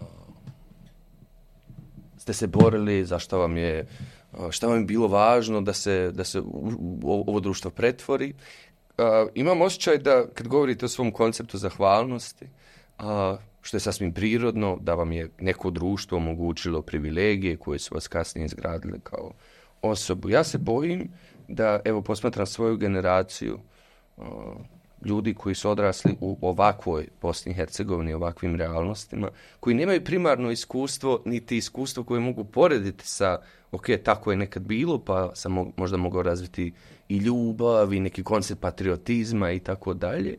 Moja generacija se nevjerovatno bori, pa i sa tom ljubavlju, a, koji mora biti utemeljeno na nečemu. I sad postoji jedan narativ, a pogotovo među ono što je nekad možda bio Savez omladine ili, a sad su to možda organizacije civilnog društva u kojem kao da vratimo zajednici, da urade nešto mladi ljudi, a ja mislim da sa pravom se jedan dio ovog stanovništva, pogotovo mladi, pita šta da vratim, Dakle, startna pozicija je uveliko onemogućena u okruženju u kojem važe takve i takve vrijednosti i često kad razgovaramo sa nastavnicima govore o tom konceptu očaja, cinizma u kojem, dakle, poziciju u kojoj su dovedeni, a to je da djeci moraju davati dvije slike. Jedna kaže, a, ako žele da odgajaju dobre ljude, pa kao trebamo biti dobri, trebamo biti pošteni i tako dalje. Pritom u isto vrijeme djeca gledaju čim izađu iz te škole nevjerojatnu količinu kriminala, neutemeljeno gomilanje novca. Pa da li se sad moja generacija s pravom može bitati odakle da crpi inspiraciju i za patriotizam i za osjećaj duga, a da nije nešto duboko intrizično ljudsko? Mislim, nemojte me pogrešno shvatiti, ovo je bilo pokušavam da seciram zašto se nešto sad ne, ne, ne dešava. Ja sam vam jako zahvalan na tom, dakle, i komentaru i pitanju, jako zahvalan i ovo bi bilo, što ja govorim, i jednostrano i bilo više ono moje sjećanje na prošlost i malo elaboraciju na današnjost, a vi ste je naslovili bukvalno u aktuelno stanje na to vema hvala i rado ću dati moje mišljenje. Vi ste, dakle, postavili jednu izuzetnu ispravnu osnovu i neću reći hipotezu, nego tvrdnju. Reću vam prije toga samo jednu konstataciju koju ja jako osjećam. Nikada u povijesti nije bilo teže biti mlad nego danas. Nikada u povijesti ljudskog roda nije teže odgojiti dijete nego danas. Jednostavno, ne znate šta bi mu prikazali kao pravi uzor. Naš će materializam, komercijalizam, novac i materijalno bogatstvo dovesti do kraja ove civilizacije. Mi smo ušli na beskonačnu traku. Sve to zbog toga što se narušila jedna normalna, ravnoteža između materijalnog i duhovnog. To je i najviše, ako smijem reći, ali evo ja ću slobodno pasti, ja, pa nek me ispravljaju ili daju kontraargumente drugi. Na prvom mjestu krivim sve religije. Neću reći linearno. Zato, jer moja je teza da su sve jedna religija slikovito rečeno, politička stranka vjere. Vjera je intima duše. Vjera se ne eksponira osim načinom kako ti se ponašaš u društvu, kako se ti ponašaš prema sebi, prvo prema sebi. Ti ne možeš reći da si do kraja dobar ako si alkoholičar. Prema sebi ako si veliki pušač prema sebi, sve umjereno, ja nisam protiv pušača, nisam protiv onih koji popiju jedno piće, ali jesam protiv onih koji će dnevno popiti litru pića i zato što su potrošili tolike novce na alkohol ili na cigarete ili na drogu, ugrozili su sebe i one oko sebe nisu kupili djetetu hljeba. Prema tome, dakle, to narušavanje materijalnog i duhovnog, a tu bi religija, pazite, kad uzmete sve monoteističke religije, uzmete knjige od Talmuda, Biblije, bez obzira koji prijevod bio, časno, Kurana, ili bilo koji drugi, dakle, sveti knjiga, oni imaju zajednički nazivnik. Poštivanje stvoritelja i, kako se kaže, ljubi bližnjega svoga kao samoga sebe. Ako ti samog sebe ne ljubiš, slikovito rečeno, ne poštuješ, onda kažeš pa ja poštijem tu odrednicu. Ja pijem, pa nek svi piju oko mene. Ja tučem ženu, pa nek svi tuku ženu. Prema tome, dakle, a to opet sve stvar odgoja obrazovanja. Nikad, vratimo se, nije bilo teže biti mlad i, i podizati i odgajati i obrazovati mlade ljude jer nemamo selekciju informacija, nas ubiše različite informacije. Mediji. Pazite nešto. Uzmite, ja sam nedavno gledao, putovao sam malo i na jednom aerodromu neka mlada dama doji dijete, dakle doji dijete i dala mu na mobitelu da gleda crtane. Dakle, dakle to je osoba koja se nije stiljela pokazati svoju, svoje dakle grudi, i sad ona otvoreno kao da je u svojoj kući, dakle raskopčala se fino dijete doji, ali mama je ovako dala još i mobitel i dijete doji i gleda u mobitel. A drugo je dijete koje je možda godinu dana starije ili najviše dvije godine i od iste mame puže i ode prema toaletu na aerodromu, ispadne mu cucla. Pred ulaskom u toaletu dijete opet ono cuclu u usta.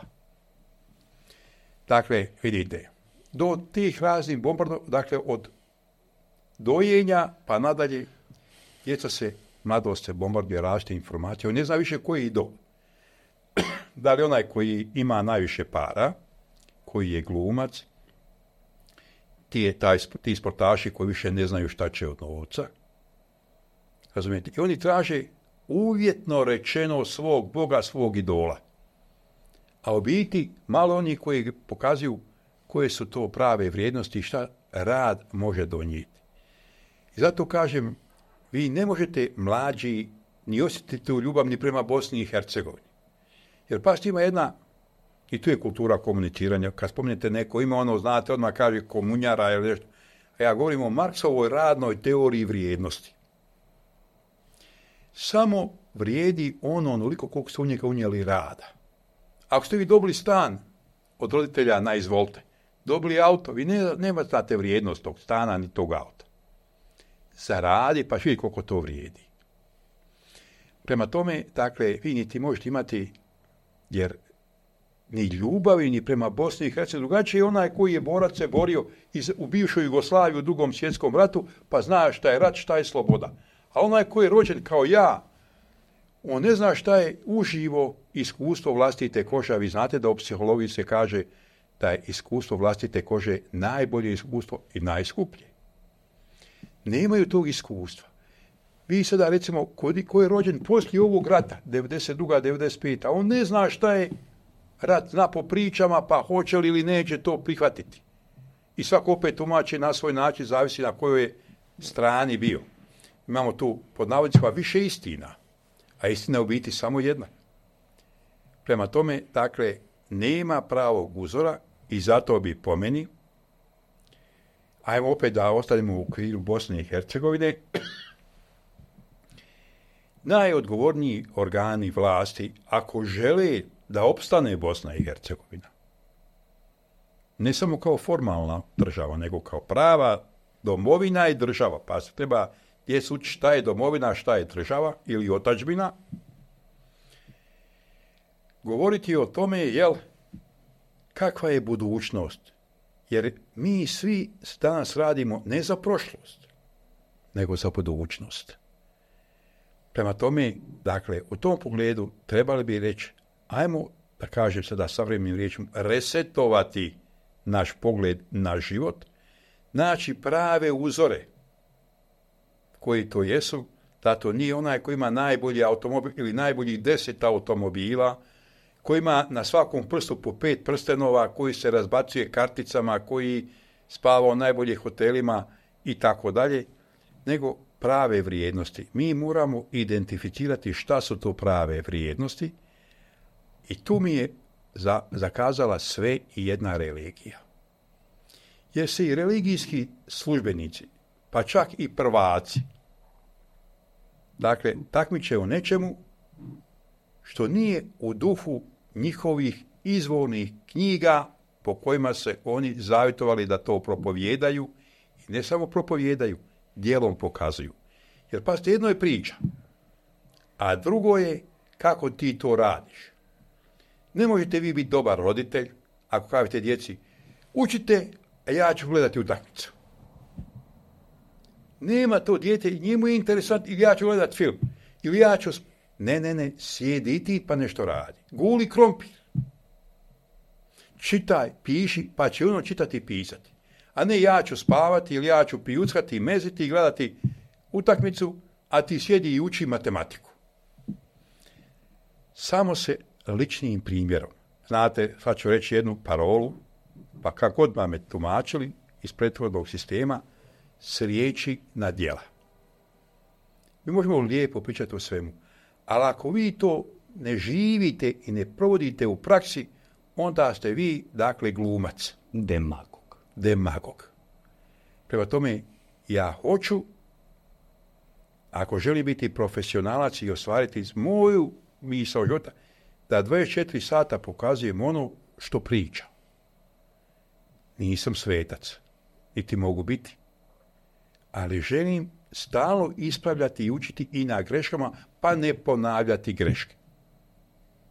Znate, ja nekada, dok sam bio mlađi, kao većina mladih ljudi, volio sam malo i pruže voziti. Sad me stid što sam vozio brže. Nikad nisam divljao na cestama da se razumijevo. Ali zašto sam ja morao voziti 150, a kad sam mogao voziti i 130 koliko je ograničenje? Meni sad stidi što sam vozio preko 130 autoputa. Nemojte me krivo shvatiti. Došao sam u godine kad me stid mojih propusta koji su očigledni bili. Iako, hvala Bogu, nisam napravio nikada jel, neki udes i tako. A gorima, dakle, idealnog nema, ali popravljaj se svaki dan.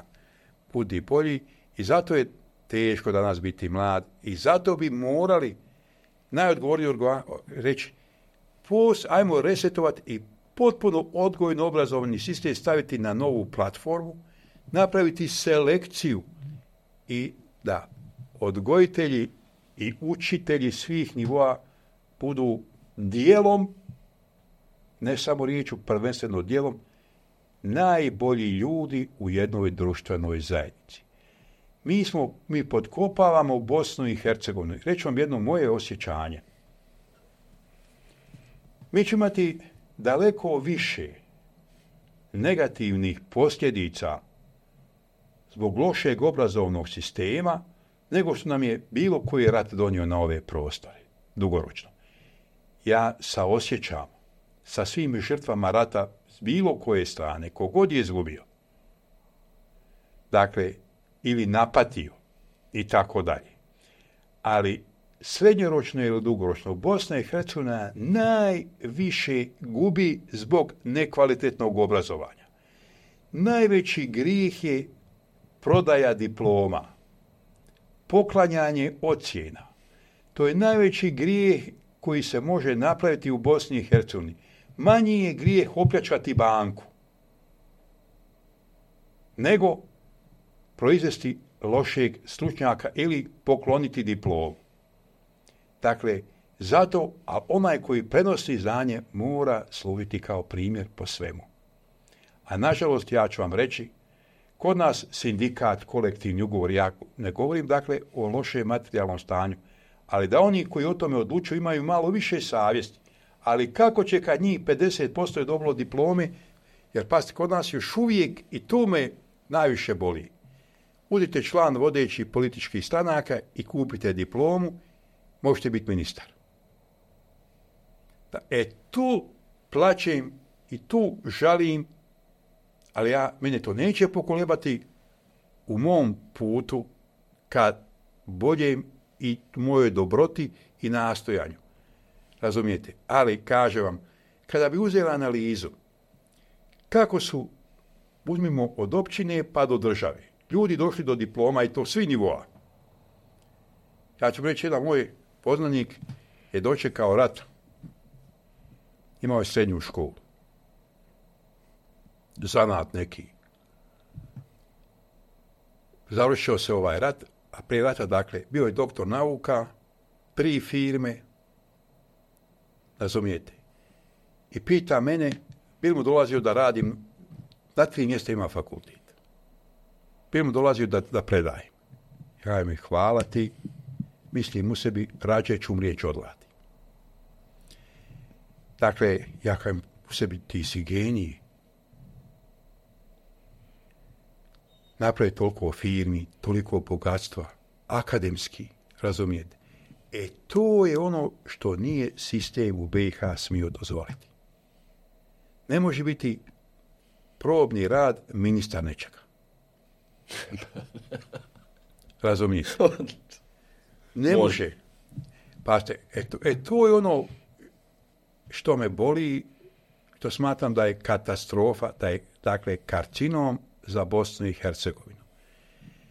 Vratimo se sve odgoj pa obrazovanje. I dok god budemo imali učitelja, profesora, univerzitetskih čak, dekana, pa negdje rektora, razumijete, koji su došli neprofesionalno to, mi radno mjesta, titule i tako dalje, i smatraju da je to jedino mjesto gdje može imati društveni ugled i dobre pare, e to je katastrofa za Bosnu i Hercegovinu. A to je put u nestanak i države Bosne i Hercegovine kao nezavisne, međunarodno priznate i tako dalje. Nas međunarodna zajednica može držati ovako kao socijalni element.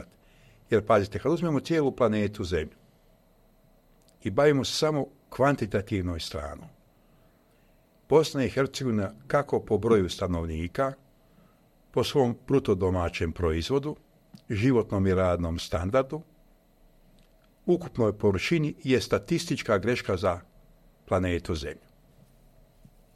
Pričali mi uljepšavali sebi prirode, ljepote, mitove, mitove, fali sami sebe Dakle, za svjetske relacije, jer ne zaboravite, čitam, recimo, pa najveći grad na svijetu ima 38 do 40 milijuna stanovnika, ne znaju ni oni da li je 38 ili 40 milijuna, a nas nema više efektivno 2 i 200, ako i to dobro je.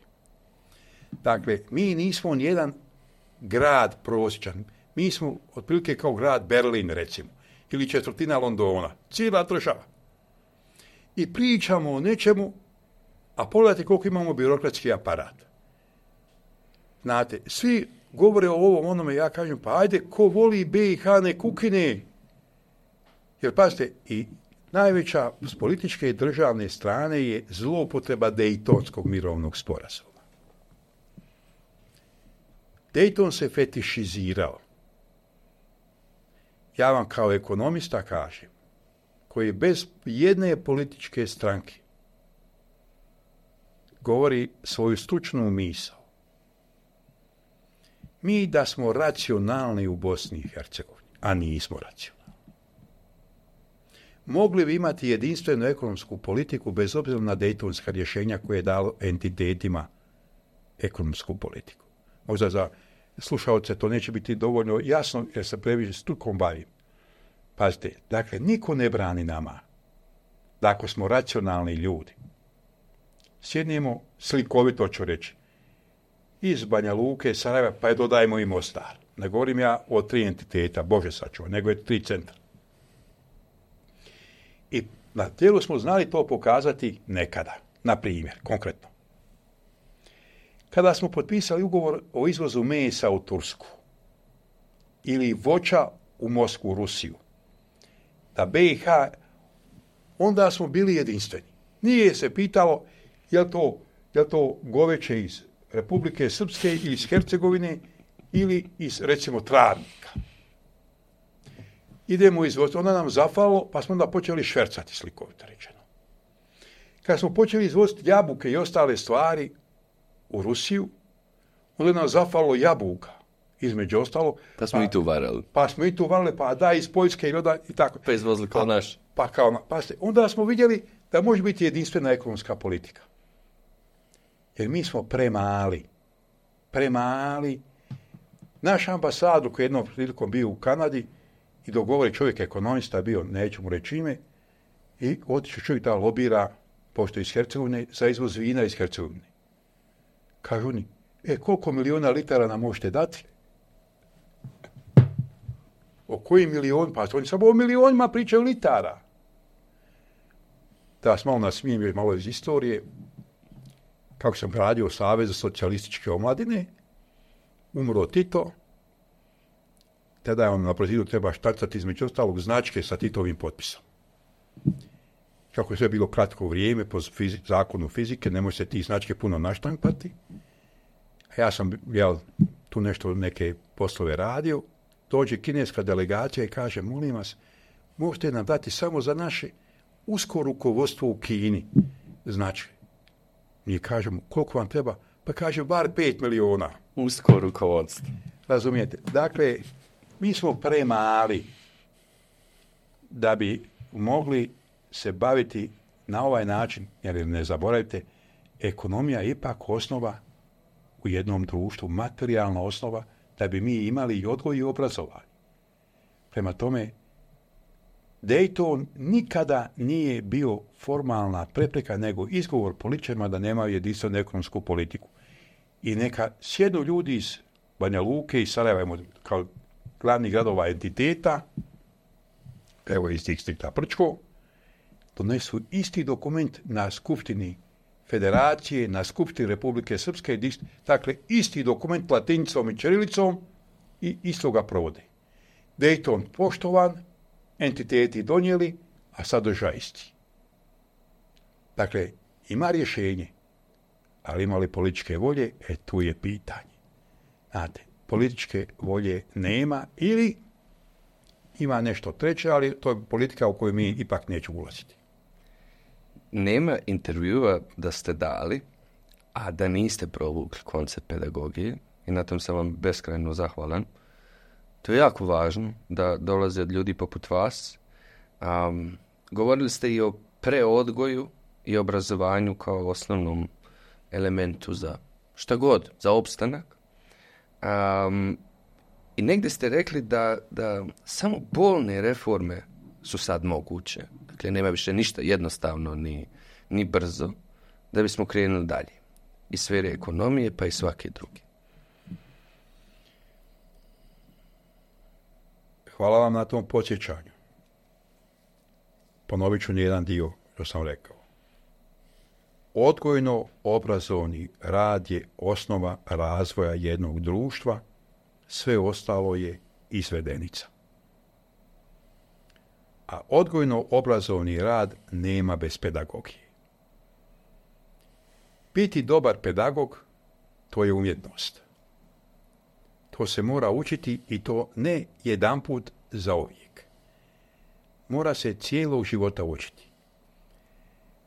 Dakle, ne emotivno i subjektivno zaljubenu pedagogiju, nego sam to osjetio da ako želim biti dobar učitelj,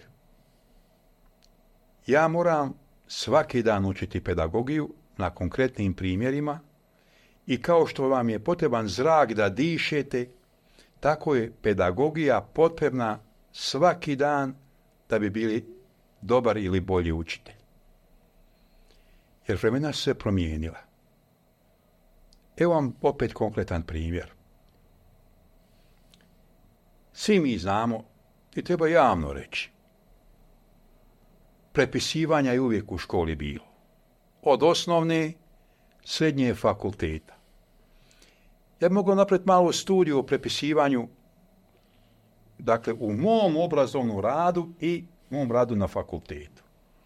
Od onih klasičnih džonova, kako smo mi to govorili, do izazovnih oblika prepisivanja, kada su recimo studentice koje nose mini i suknje stavljale u štrample formule, pa vi kao asistent se okrenete da se profita, ona digne suknju i prepiše for Do rentanja bubica po pristojnim cijenama i kažem ja bi cijeli istoriju prepisivanja koju sam ja doživio kao asistent kao profesor na fakultetu mogao napraviti do silika i kao izvlačite vuče se dakle urađen zadatak na treći isprat ko kanta iz bunara pa, i tako dalje. I mora da se rad završava sa mogućnosti i ograničenje.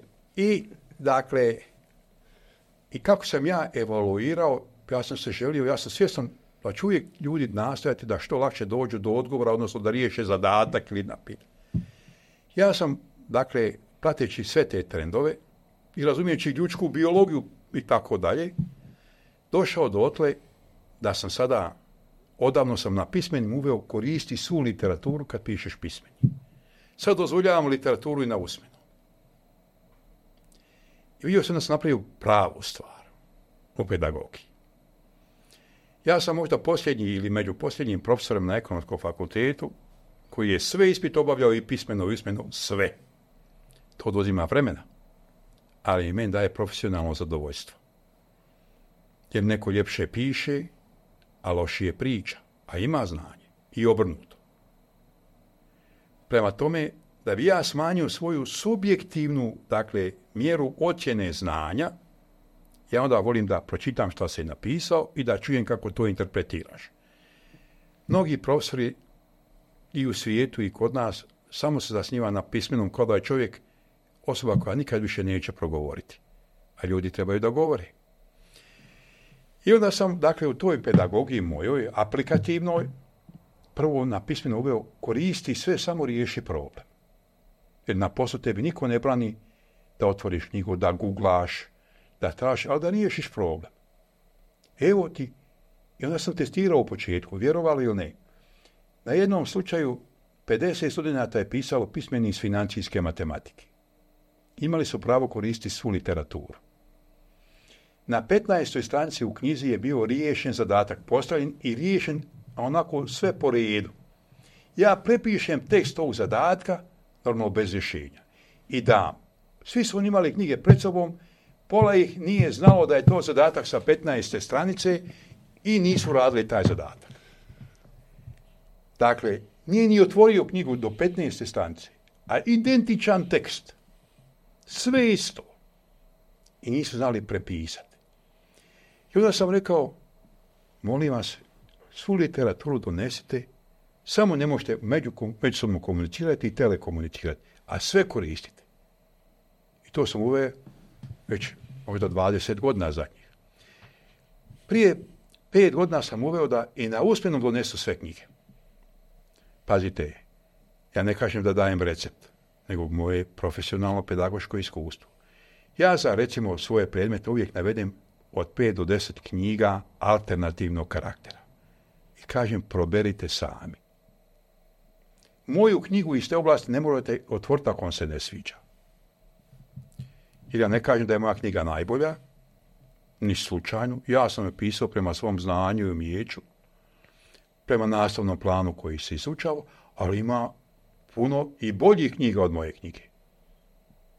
Učite i onda ja njima kažem, evo vam deset knjiga, vi odaberite koju ćete, ali tu knjigu po kojoj učili doneste na usmeni. I po toj knjigi, knjizi ja vas ispitujem.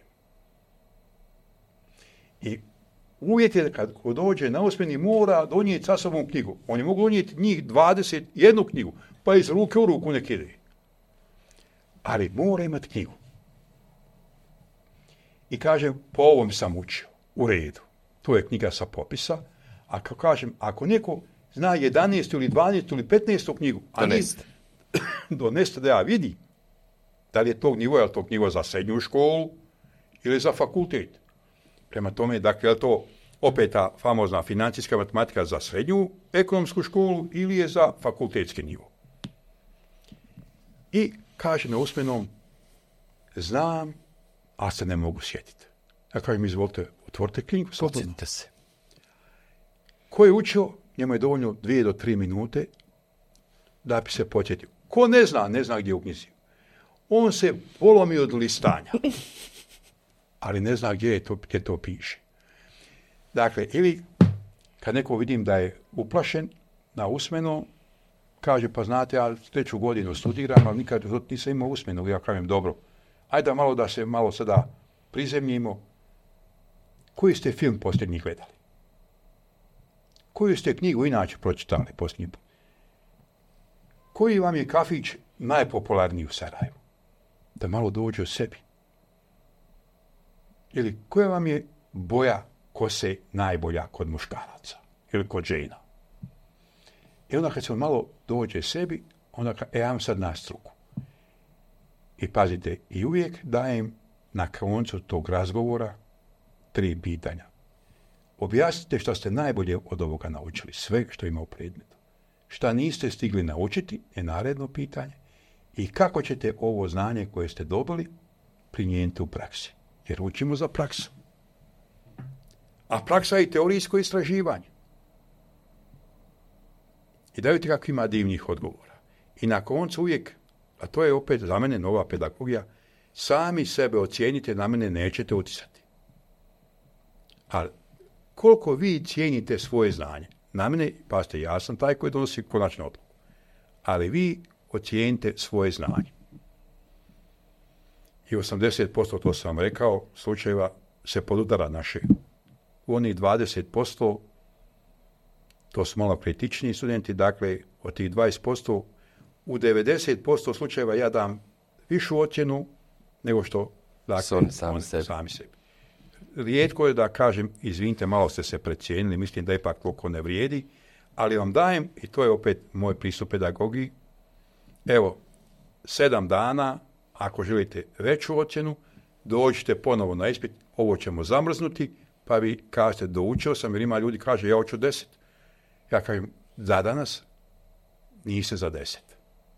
Ako želite, još malo, nedavno je bila jedna studentica na ispitu, ja kažem sve ovo za devet.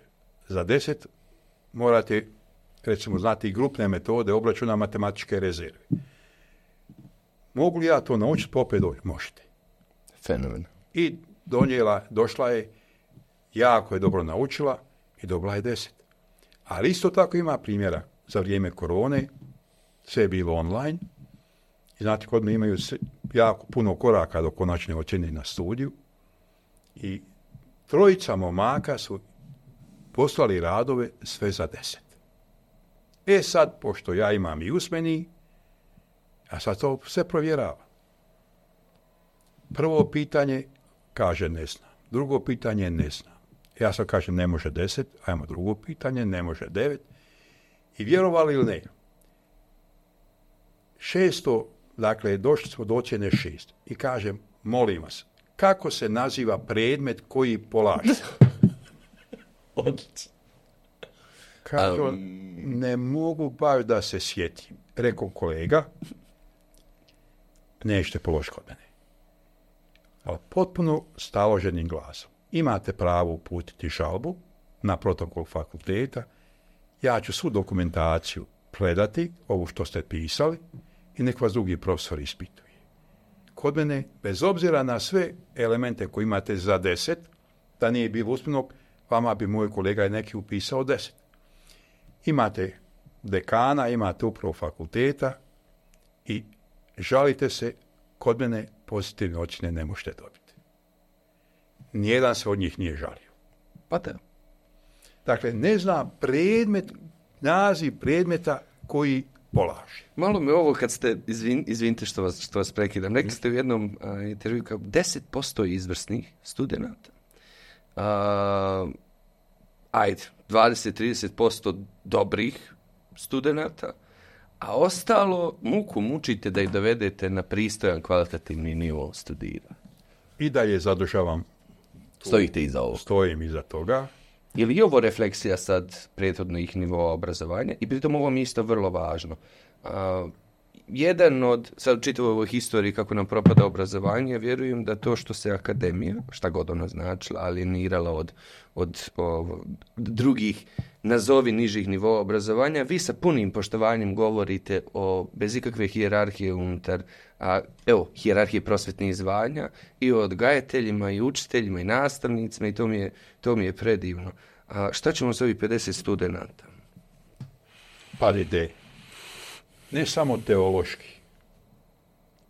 Svaki čovjek je po meni Božije stvorenje, niti je ime, ni prezme, ni pol, ni broj indeksa i tako dalje i svakom se čovjeku može prići, samo nekad imate ograničeno vrijeme.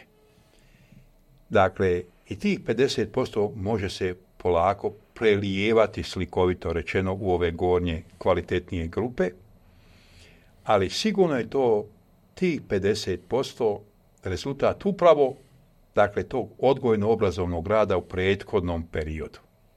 Od kućnog odgoja, od vrtića ili nane, dede i koga je sve pazio, osnovne škole, srednje škole pa do fakulteta. Opet primjer. Jedna od najljepših nauka, nešto ja sam dakle kvantitativac u osnovi, je recimo matematika. Jer vidite, ja generalno u izučavanju smatram da su temeljne nauke, logika, fizika i kemija. Iz toga sve grana, pa se matematika je dio logike. Jer u matematici ne može ništa biti mimo logike. I nekada se u davna vremena matematika studirala na filozofskom fakultetu kao grana logike. I vidite, dakle, po tome. Mi možemo, kada gledamo s tom matematikom, ona je u javnosti uvijek bauk, manje ili više. Rijetko su ljudi koji vole matematiku, ono... I, zbog nekog. Zbog nekoga. Da. Pazite, ja sam imao jednu saradnicu koja nije bila dobar pedagog i koja je govorila ljudima koji ne mogu razumjeti matematiku, ti si glup i tako dalje, dakle ružnim riječima. Ružnim riječima se ništa ne može postići. Postići ću na narodnu poslovicu, lijepa riječ i na vrata otvara. Treba biti dobar pedagog, voljeti svoj posao i dobar pedagog i od nijednog predmeta ne, ne treba praviti bauk, nego reći stimulativno. Ti to možeš, samo da ti ja pokažem kako se to radi. Dakle, i svi možemo, ako ne znamo lijepo pjevati, možemo naučiti pjevati. Neću biti svi provaci opere. Niti ne znam nija popularni pjevači par ovih boljih kompozicija. I matematika tako, recimo, treba naći učitelje, odgajatelje koji će razvijati ljubav prema matematici. Reću jedan primjer. Moji najbliži rođaci došli u pubertet i ne mogu da nauče baš mrsko im kvadrat zbira i kvadrat razlike u matematici. Ja sad znam, od ovaj stariji se zaljubio neku djevojčicu, znate, su ono pubertetski, ono peti, šesti razred, pa ono, znate, osjetio je pol, pa ono, Ajde, ja kažem, kako se ono zove ona, ona mala što se tebi sviđa? Kaže, taj moj sestrić, Maja. Ja napravim zadatak iz kvadrata zbira i kvadrata razlike, kad ga riješite, izađe Maja.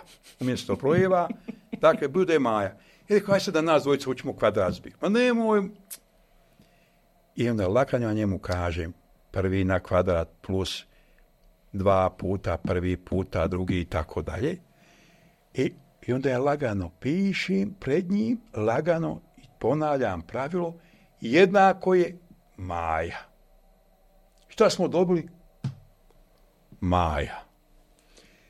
Onda kaže manju, kako se ona što s tobom sjedi u klupi zove? Kaže Aida, e sad ćemo mi. Ja, kvadrat bila je kvadrat iza ide. Oni su preko tog načina naučili matematičko pravilo. Dakle, Može. može. Samo treba imati srpljenja, načina i tako da imamo više vremena mi na mnogoljudnijim fakultetima. Da imamo više vremena i ti 50% bi se ne može sve, ali sigurno upolovilo i prebacilo u gornje. Na ali zašto? Apsolutno. Ali zašto znate? Vi morate motivirati ljude i da dolaze na nastavu da vas slušaju na predavanju. I onda, ako vi napravite jedan normalan ljudski odnos, kad on vidi da vi niste tu rigoroza, ispit nije rigoroza. Ispit svaki pa i u vrtiću i u osnovnoj školi i u srednjoj treba biti razgovor, a ne ispit. Prvo znanja. Pazite, ja kažem, ja uvijek kažem kad dođem na ispit, došli smo na najsvećaniji dio radu na ovom predmetu da vi pokažete stepen svog akademskog zrenja, koliko ste sazreli u ovoj oblasti. I to je svečanost. Ja kažem, mi bi se svi na ispit trebali obući lijepo, doći okupani, uredni, i da onda kažemo, vidi šta sam ja naučio iz ove oblasti. A ne, pitaće me ono što nisam. Ja se bojim, ma nemoj se plašiti. Idemo razgovarati o tome. Prema tome, ili kažete, ako ste sigurni u dojedu grupu, prvo da kažem, niko od vas ne može propasti. E sad idemo da vidimo koliko će ko dobiti.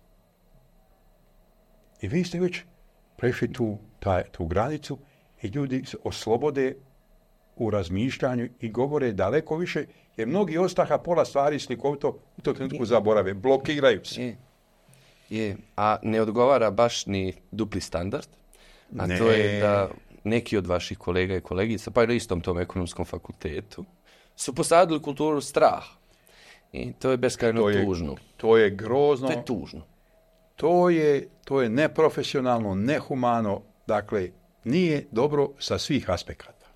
I onda je teško isto studentima da vama povjeruju. Ja se sjećam isto tako po svojih prvih izazova. Vama je teško povjerovati da neko ima drugačiju agendu sa vama, da stvarno želi proslaviti to znanje, da da mu je stalo do vas, to je... Pa pazite, mi bi morali imati jedan od slogana vjerujem u znanje i slavim znanje. Pazite, učitelji su, opet kažem, svih nivoa, jer pazite, ne možete vi pocijeniti vrtić, ne možete pocijeniti osnovnu školu, tu se formira čovjek. Tako. Kasno je kad se dođe do fakulteta. Znate, ti Franjevci koji su dio mene učili, oni su rekli, daj nam dijete do 12. godine, onda će ono da ga mi odgojimo, onda nek ono ide gdje hoće. Prema tome, dakle, sve ima svoj bitan sastavni dio i ne može se formirati čovjek tek na fakultetu. To je prekasno. Čovjek se formira od prvog dana da mu majka kad ga doji ne da mobitel da gleda u njega. Baš vas to boli. I da, pa zato što je to nehumano, nepedagoški.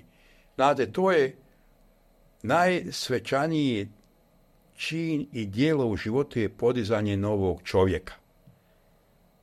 Nema svećanja, ja sam jučer sinoć jednoj studentici rekao, pitala me za polaganje jednog ispita van fakulteta za, za sudske vještake, ali kaže, to mi se poklapa sa mojom udajom. Ja kažem, ja vam želim sreću u braku, udajte se, to vam je preče nego sad polagati za sudskog vještaka, bit će i naredne godine, a vi probajte grad svoj srednjoročni, dugoročni, doživotni život, to vam je preče, ako ste već došli u tu fazu, nego da budete sudski vještak. I pritom je ženskom subjektu to i dalje nemjerljivo teže. Gledam to po supruzi koliko je, ako želite, i porodicu i sve koliko god um, se trudili u jednakopravnosti, ženski subjekt je u potpuno nezavidnoj situaciji. Rekli ste, egoizam, nepismenost, nesavjesnost vode nas sve zajedno u ponor. Meni je drago da ste vi sa drugu stranu svega ovog. Ja sam beskrajno profesor uživao u ovom razgovoru. A jedna, jedna, jedna, jedna povijest jednog velikog učitelja. mnogo sam naučio, čuo sam svašta. jako sam zahvalan da, da tako srčano sa, sa potpuno istinskim uvjerenjem navijate za, za nastavnike, što ne pravite nikakvu polarizaciju među, među njima. Vrlo ste jasni iz svoje te pesimistične, utemeljene perspektive, ali dajete i, i rješenja. Ja se nadam da ovo kad ste rekli da dobri ljudi se povlače, u stvari to sam vas htio, imam to jedno za kraj pitanje. Da li to što nikad niste prihvatili da Eh, budete u politici, imate moć odlučivanja. A, eh, ja, ja imam negdje jednu od teza, to, to gledam po svojoj maloj palanci u Goraždu i kako se dobri ljudi povukli, a eh, onda prepustili ovim ne tako dobrim. Da, da. li to možda bilo greška? Jeste. Pazite nešto. Opet da ne parafraziram Balašvića se povuče jedan pametni, dođu trojica ludaka, ne želim to govoriti ni o sebi, ni o drugima, ne daj Bože. Jeste, ali znate zašto sebe ne smatram, dakle, ni, ne, ja neko čovjeka koji želi uporno da širi dobro, humano i progresivno, produktivno.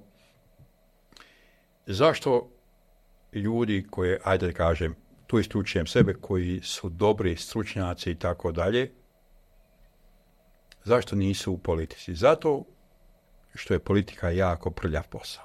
Među nama. Uvijek je kroz cijelu historiju politika i mora biti. I bit će, da se razumijemo. Međutim, što se nije uspjelo da u politici se njeguju većina pravih vrijednosti, uvijek će biti nekih drugih vrijednosti. I onda se ti dobri ljudi razočaraju kad vide da ne mogu, mi bi u Bosni imamo jednu lijepu izreku, Goražde na toj rijeci, ispraviti krivu drinu. Akademska zajednica je dobrim dijelom kriva za ovakvo stanje. Ja sam dio akademske zajednice i nosim dio odgovornosti i grijeha i tu sam samo kritičan što je takvo stanje.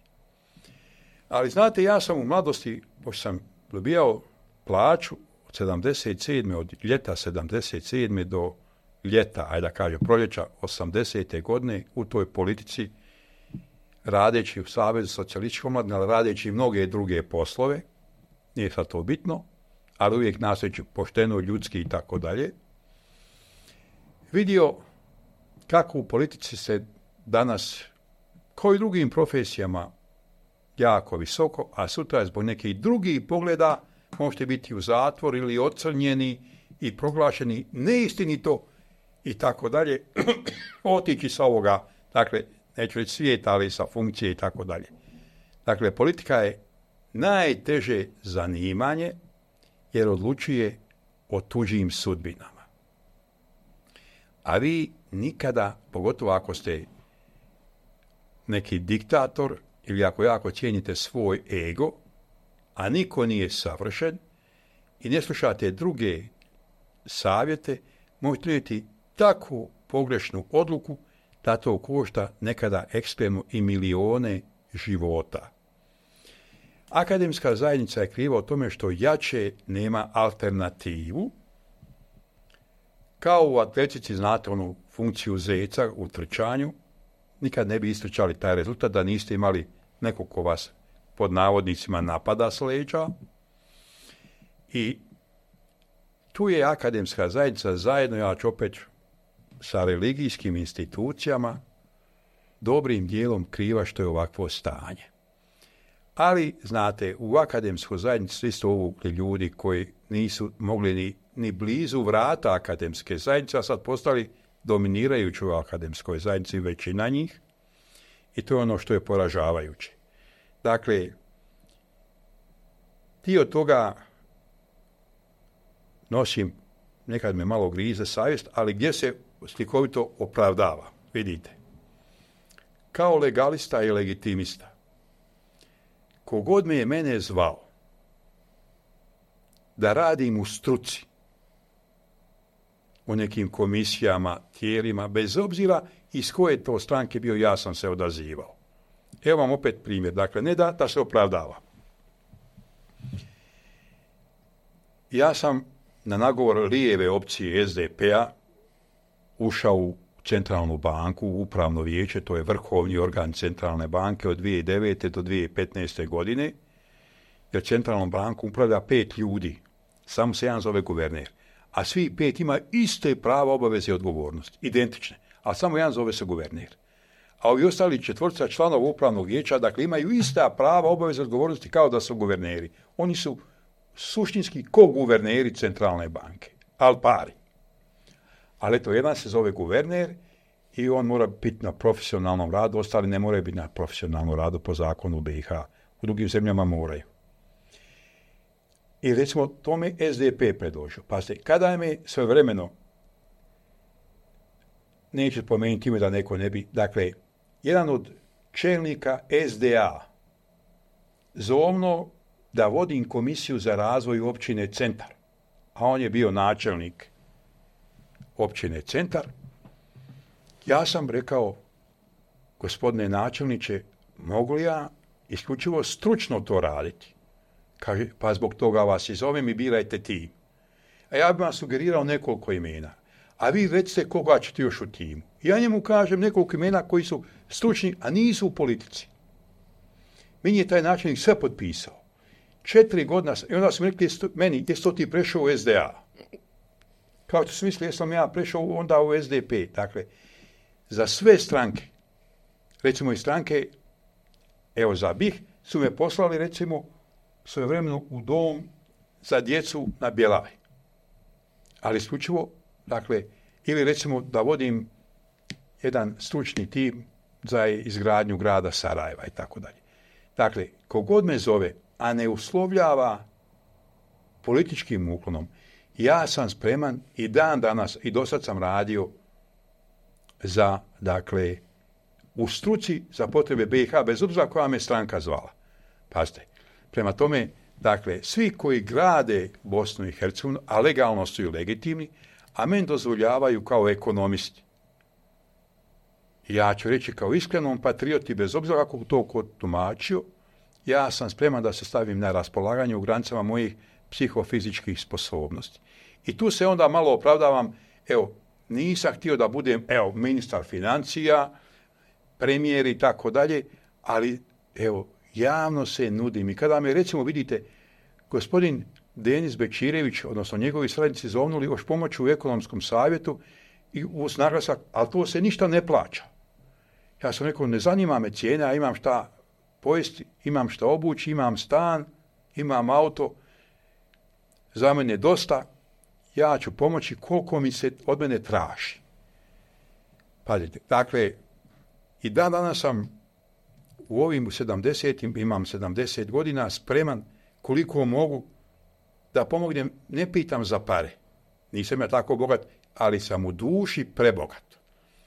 I sebe smatram najbogatijim čovjekom na svijetu jer imam neki subjektivni lažni osjećaj da sve razumijem.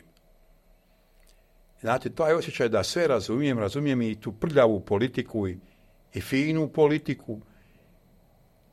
Bog mi je dao kao da razumijem, a sve što je potrebno za dobro, sve što je potrebno za Bosnu i Hercegovinu, bez obzira na sve, vidite, ja sam radio 250 firmi do sada nešto, konsultantski.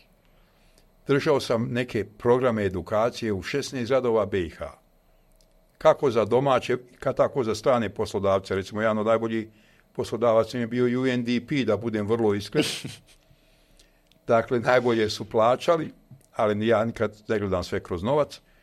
Dakle, i zato sam ja, kada su me pozvali i rekli, da li bi došao u Banja Luku predavati, rekao, najnormalnije. Jer pazite kako sam ja prvi doktor aktorske matematike u istoriji Bosne i Hercegovine, kasnije, hvala Bogu, još ljudi doktoriralo iz te matematike. Onda profesora aktorske matematike nije bilo. Počeš pa doći u Banja Luku, hoću. Pa, recimo, kolegica na, Sarajevo, zato, znate, pa kaže i Sarajevo, hoću. I pitali mene studenti u Banja Luci, kako sam im dugo više predmeta predavao, kako je stanje u Sarajevu. Ja kažem, dođite svi, sjednite u autobus, u aute, ja ću vam biti domaćin, ja ću vam biti vodič kroz Sarajevo. I znate, to je Tugaljevo, jedan momak koji mi je bio jedno vrijeme asistent, u životu nije bio u Sarajevu, ja kažem, molim te dođi sve o mom trošku. Kasnije se oduševio i dolazi sad normalno u Sarajevo. Tri studenta iz Banja Luke su se prepisali sa ekonomskog fakulteta u Banja Luci u Sarajevu i magistrirali sve trojica kod mene kada je kolegica koja predavala je privrednu i financijsku matematiku na palama otišla na trudničko bolovanje, zovu mene da li bi htio doći napale ili neko kaže upale ovaj, da predaj. Ja kažem koliko je to časova, znam da je to 20 km od mog nebodera u Sarajevu, hoću. I vjerujte mi, ne da se hvalim, proglašen sam najboljim profesorom te godine na Palama. Dakle, ili bilo gdje u Mostar ili, ne znam, dakle, nema nijednog većeg grada gdje su me zvali, ako je iz moje oblasti, iz moje struke, da nisam otišao i sad bi otišao ako me budu zvali. Dakle, i tu ona, to ona što bi rekli ulični ovadio ona. Nisam htio zvanične funkcije, dobre plate, aute i tako dalje, ali gdje god treba ja sam i danas spreman da radim, ako me ko zove. A zovu još uvijek. Hvala Bogu. Apsolutno zadovoljstvo. Hvala vam, hvala vam. Znam da volite da čitate. Volim. Zato vam poklanjamo knjigu našeg prijatelja Viktora Ivančića. U, izuzetno ga Tako da, evo, nadam se da ćete uživati. A ovo je jedan notiščić da možete svoje nove ideje za opstanak Bosne i Hercegovine i obrazovanja zapisivati. Jako ste me obradovali i jednim i drugim normalno, pogotovo ovom pisanom knjigu. Hvala vam. Ja ću vam reći još jednu moju intimu. Kao dijete koji uvijek znao racionalno koristiti, jer pasti potičem iz relativno siromašne porodice, jel? A uvijek smo učili i roditelji i franjeci da se treba štedjeti. Ja sam recimo i kao student prve godine kad kupim kruh pa mi zamotaju papir, došao, dolazio kući, rukom slikovito ispeglao taj papir i rješavao zadatke iz matematike. Koristio sam margine novina za neke pribilješke, jer jednostavno bilo mi je nekad skupo kupovati papir i za uokviriti nešto. I ostao sam fanatik, bolesnik knjiga i papira i vjerujte mi, ovaj, i sad kupujem knjige kao da sam asistent pripravnik koji sprema, recimo, magistarski rad. U prosjeku sedmično najmanje kupim jednu knjigu. Malo je problem sa odlaganjem tih knjiga. Neke i poklonim, ali ovaj, hvala Bogu imam u Kraljevoj sutjesti kuću gdje mogu deponovati ovaj, jel, kao i u stanu ovdje u Sarajevu i izuzetno ste me obrazili, odgovorim bez kurtuazije, dakle, vašim poklonom, a utrošenim vremenom i lijepim riječima, ne znam koliko sam zaslužio, posebno se zahvaljujem. Profesor neba, hvala. Hvala vama. Dobri ljudi, um, profesor Emeritus, gospodin Željko Šajn, um, evo, da ja ne zaključujem, zaključujete sami.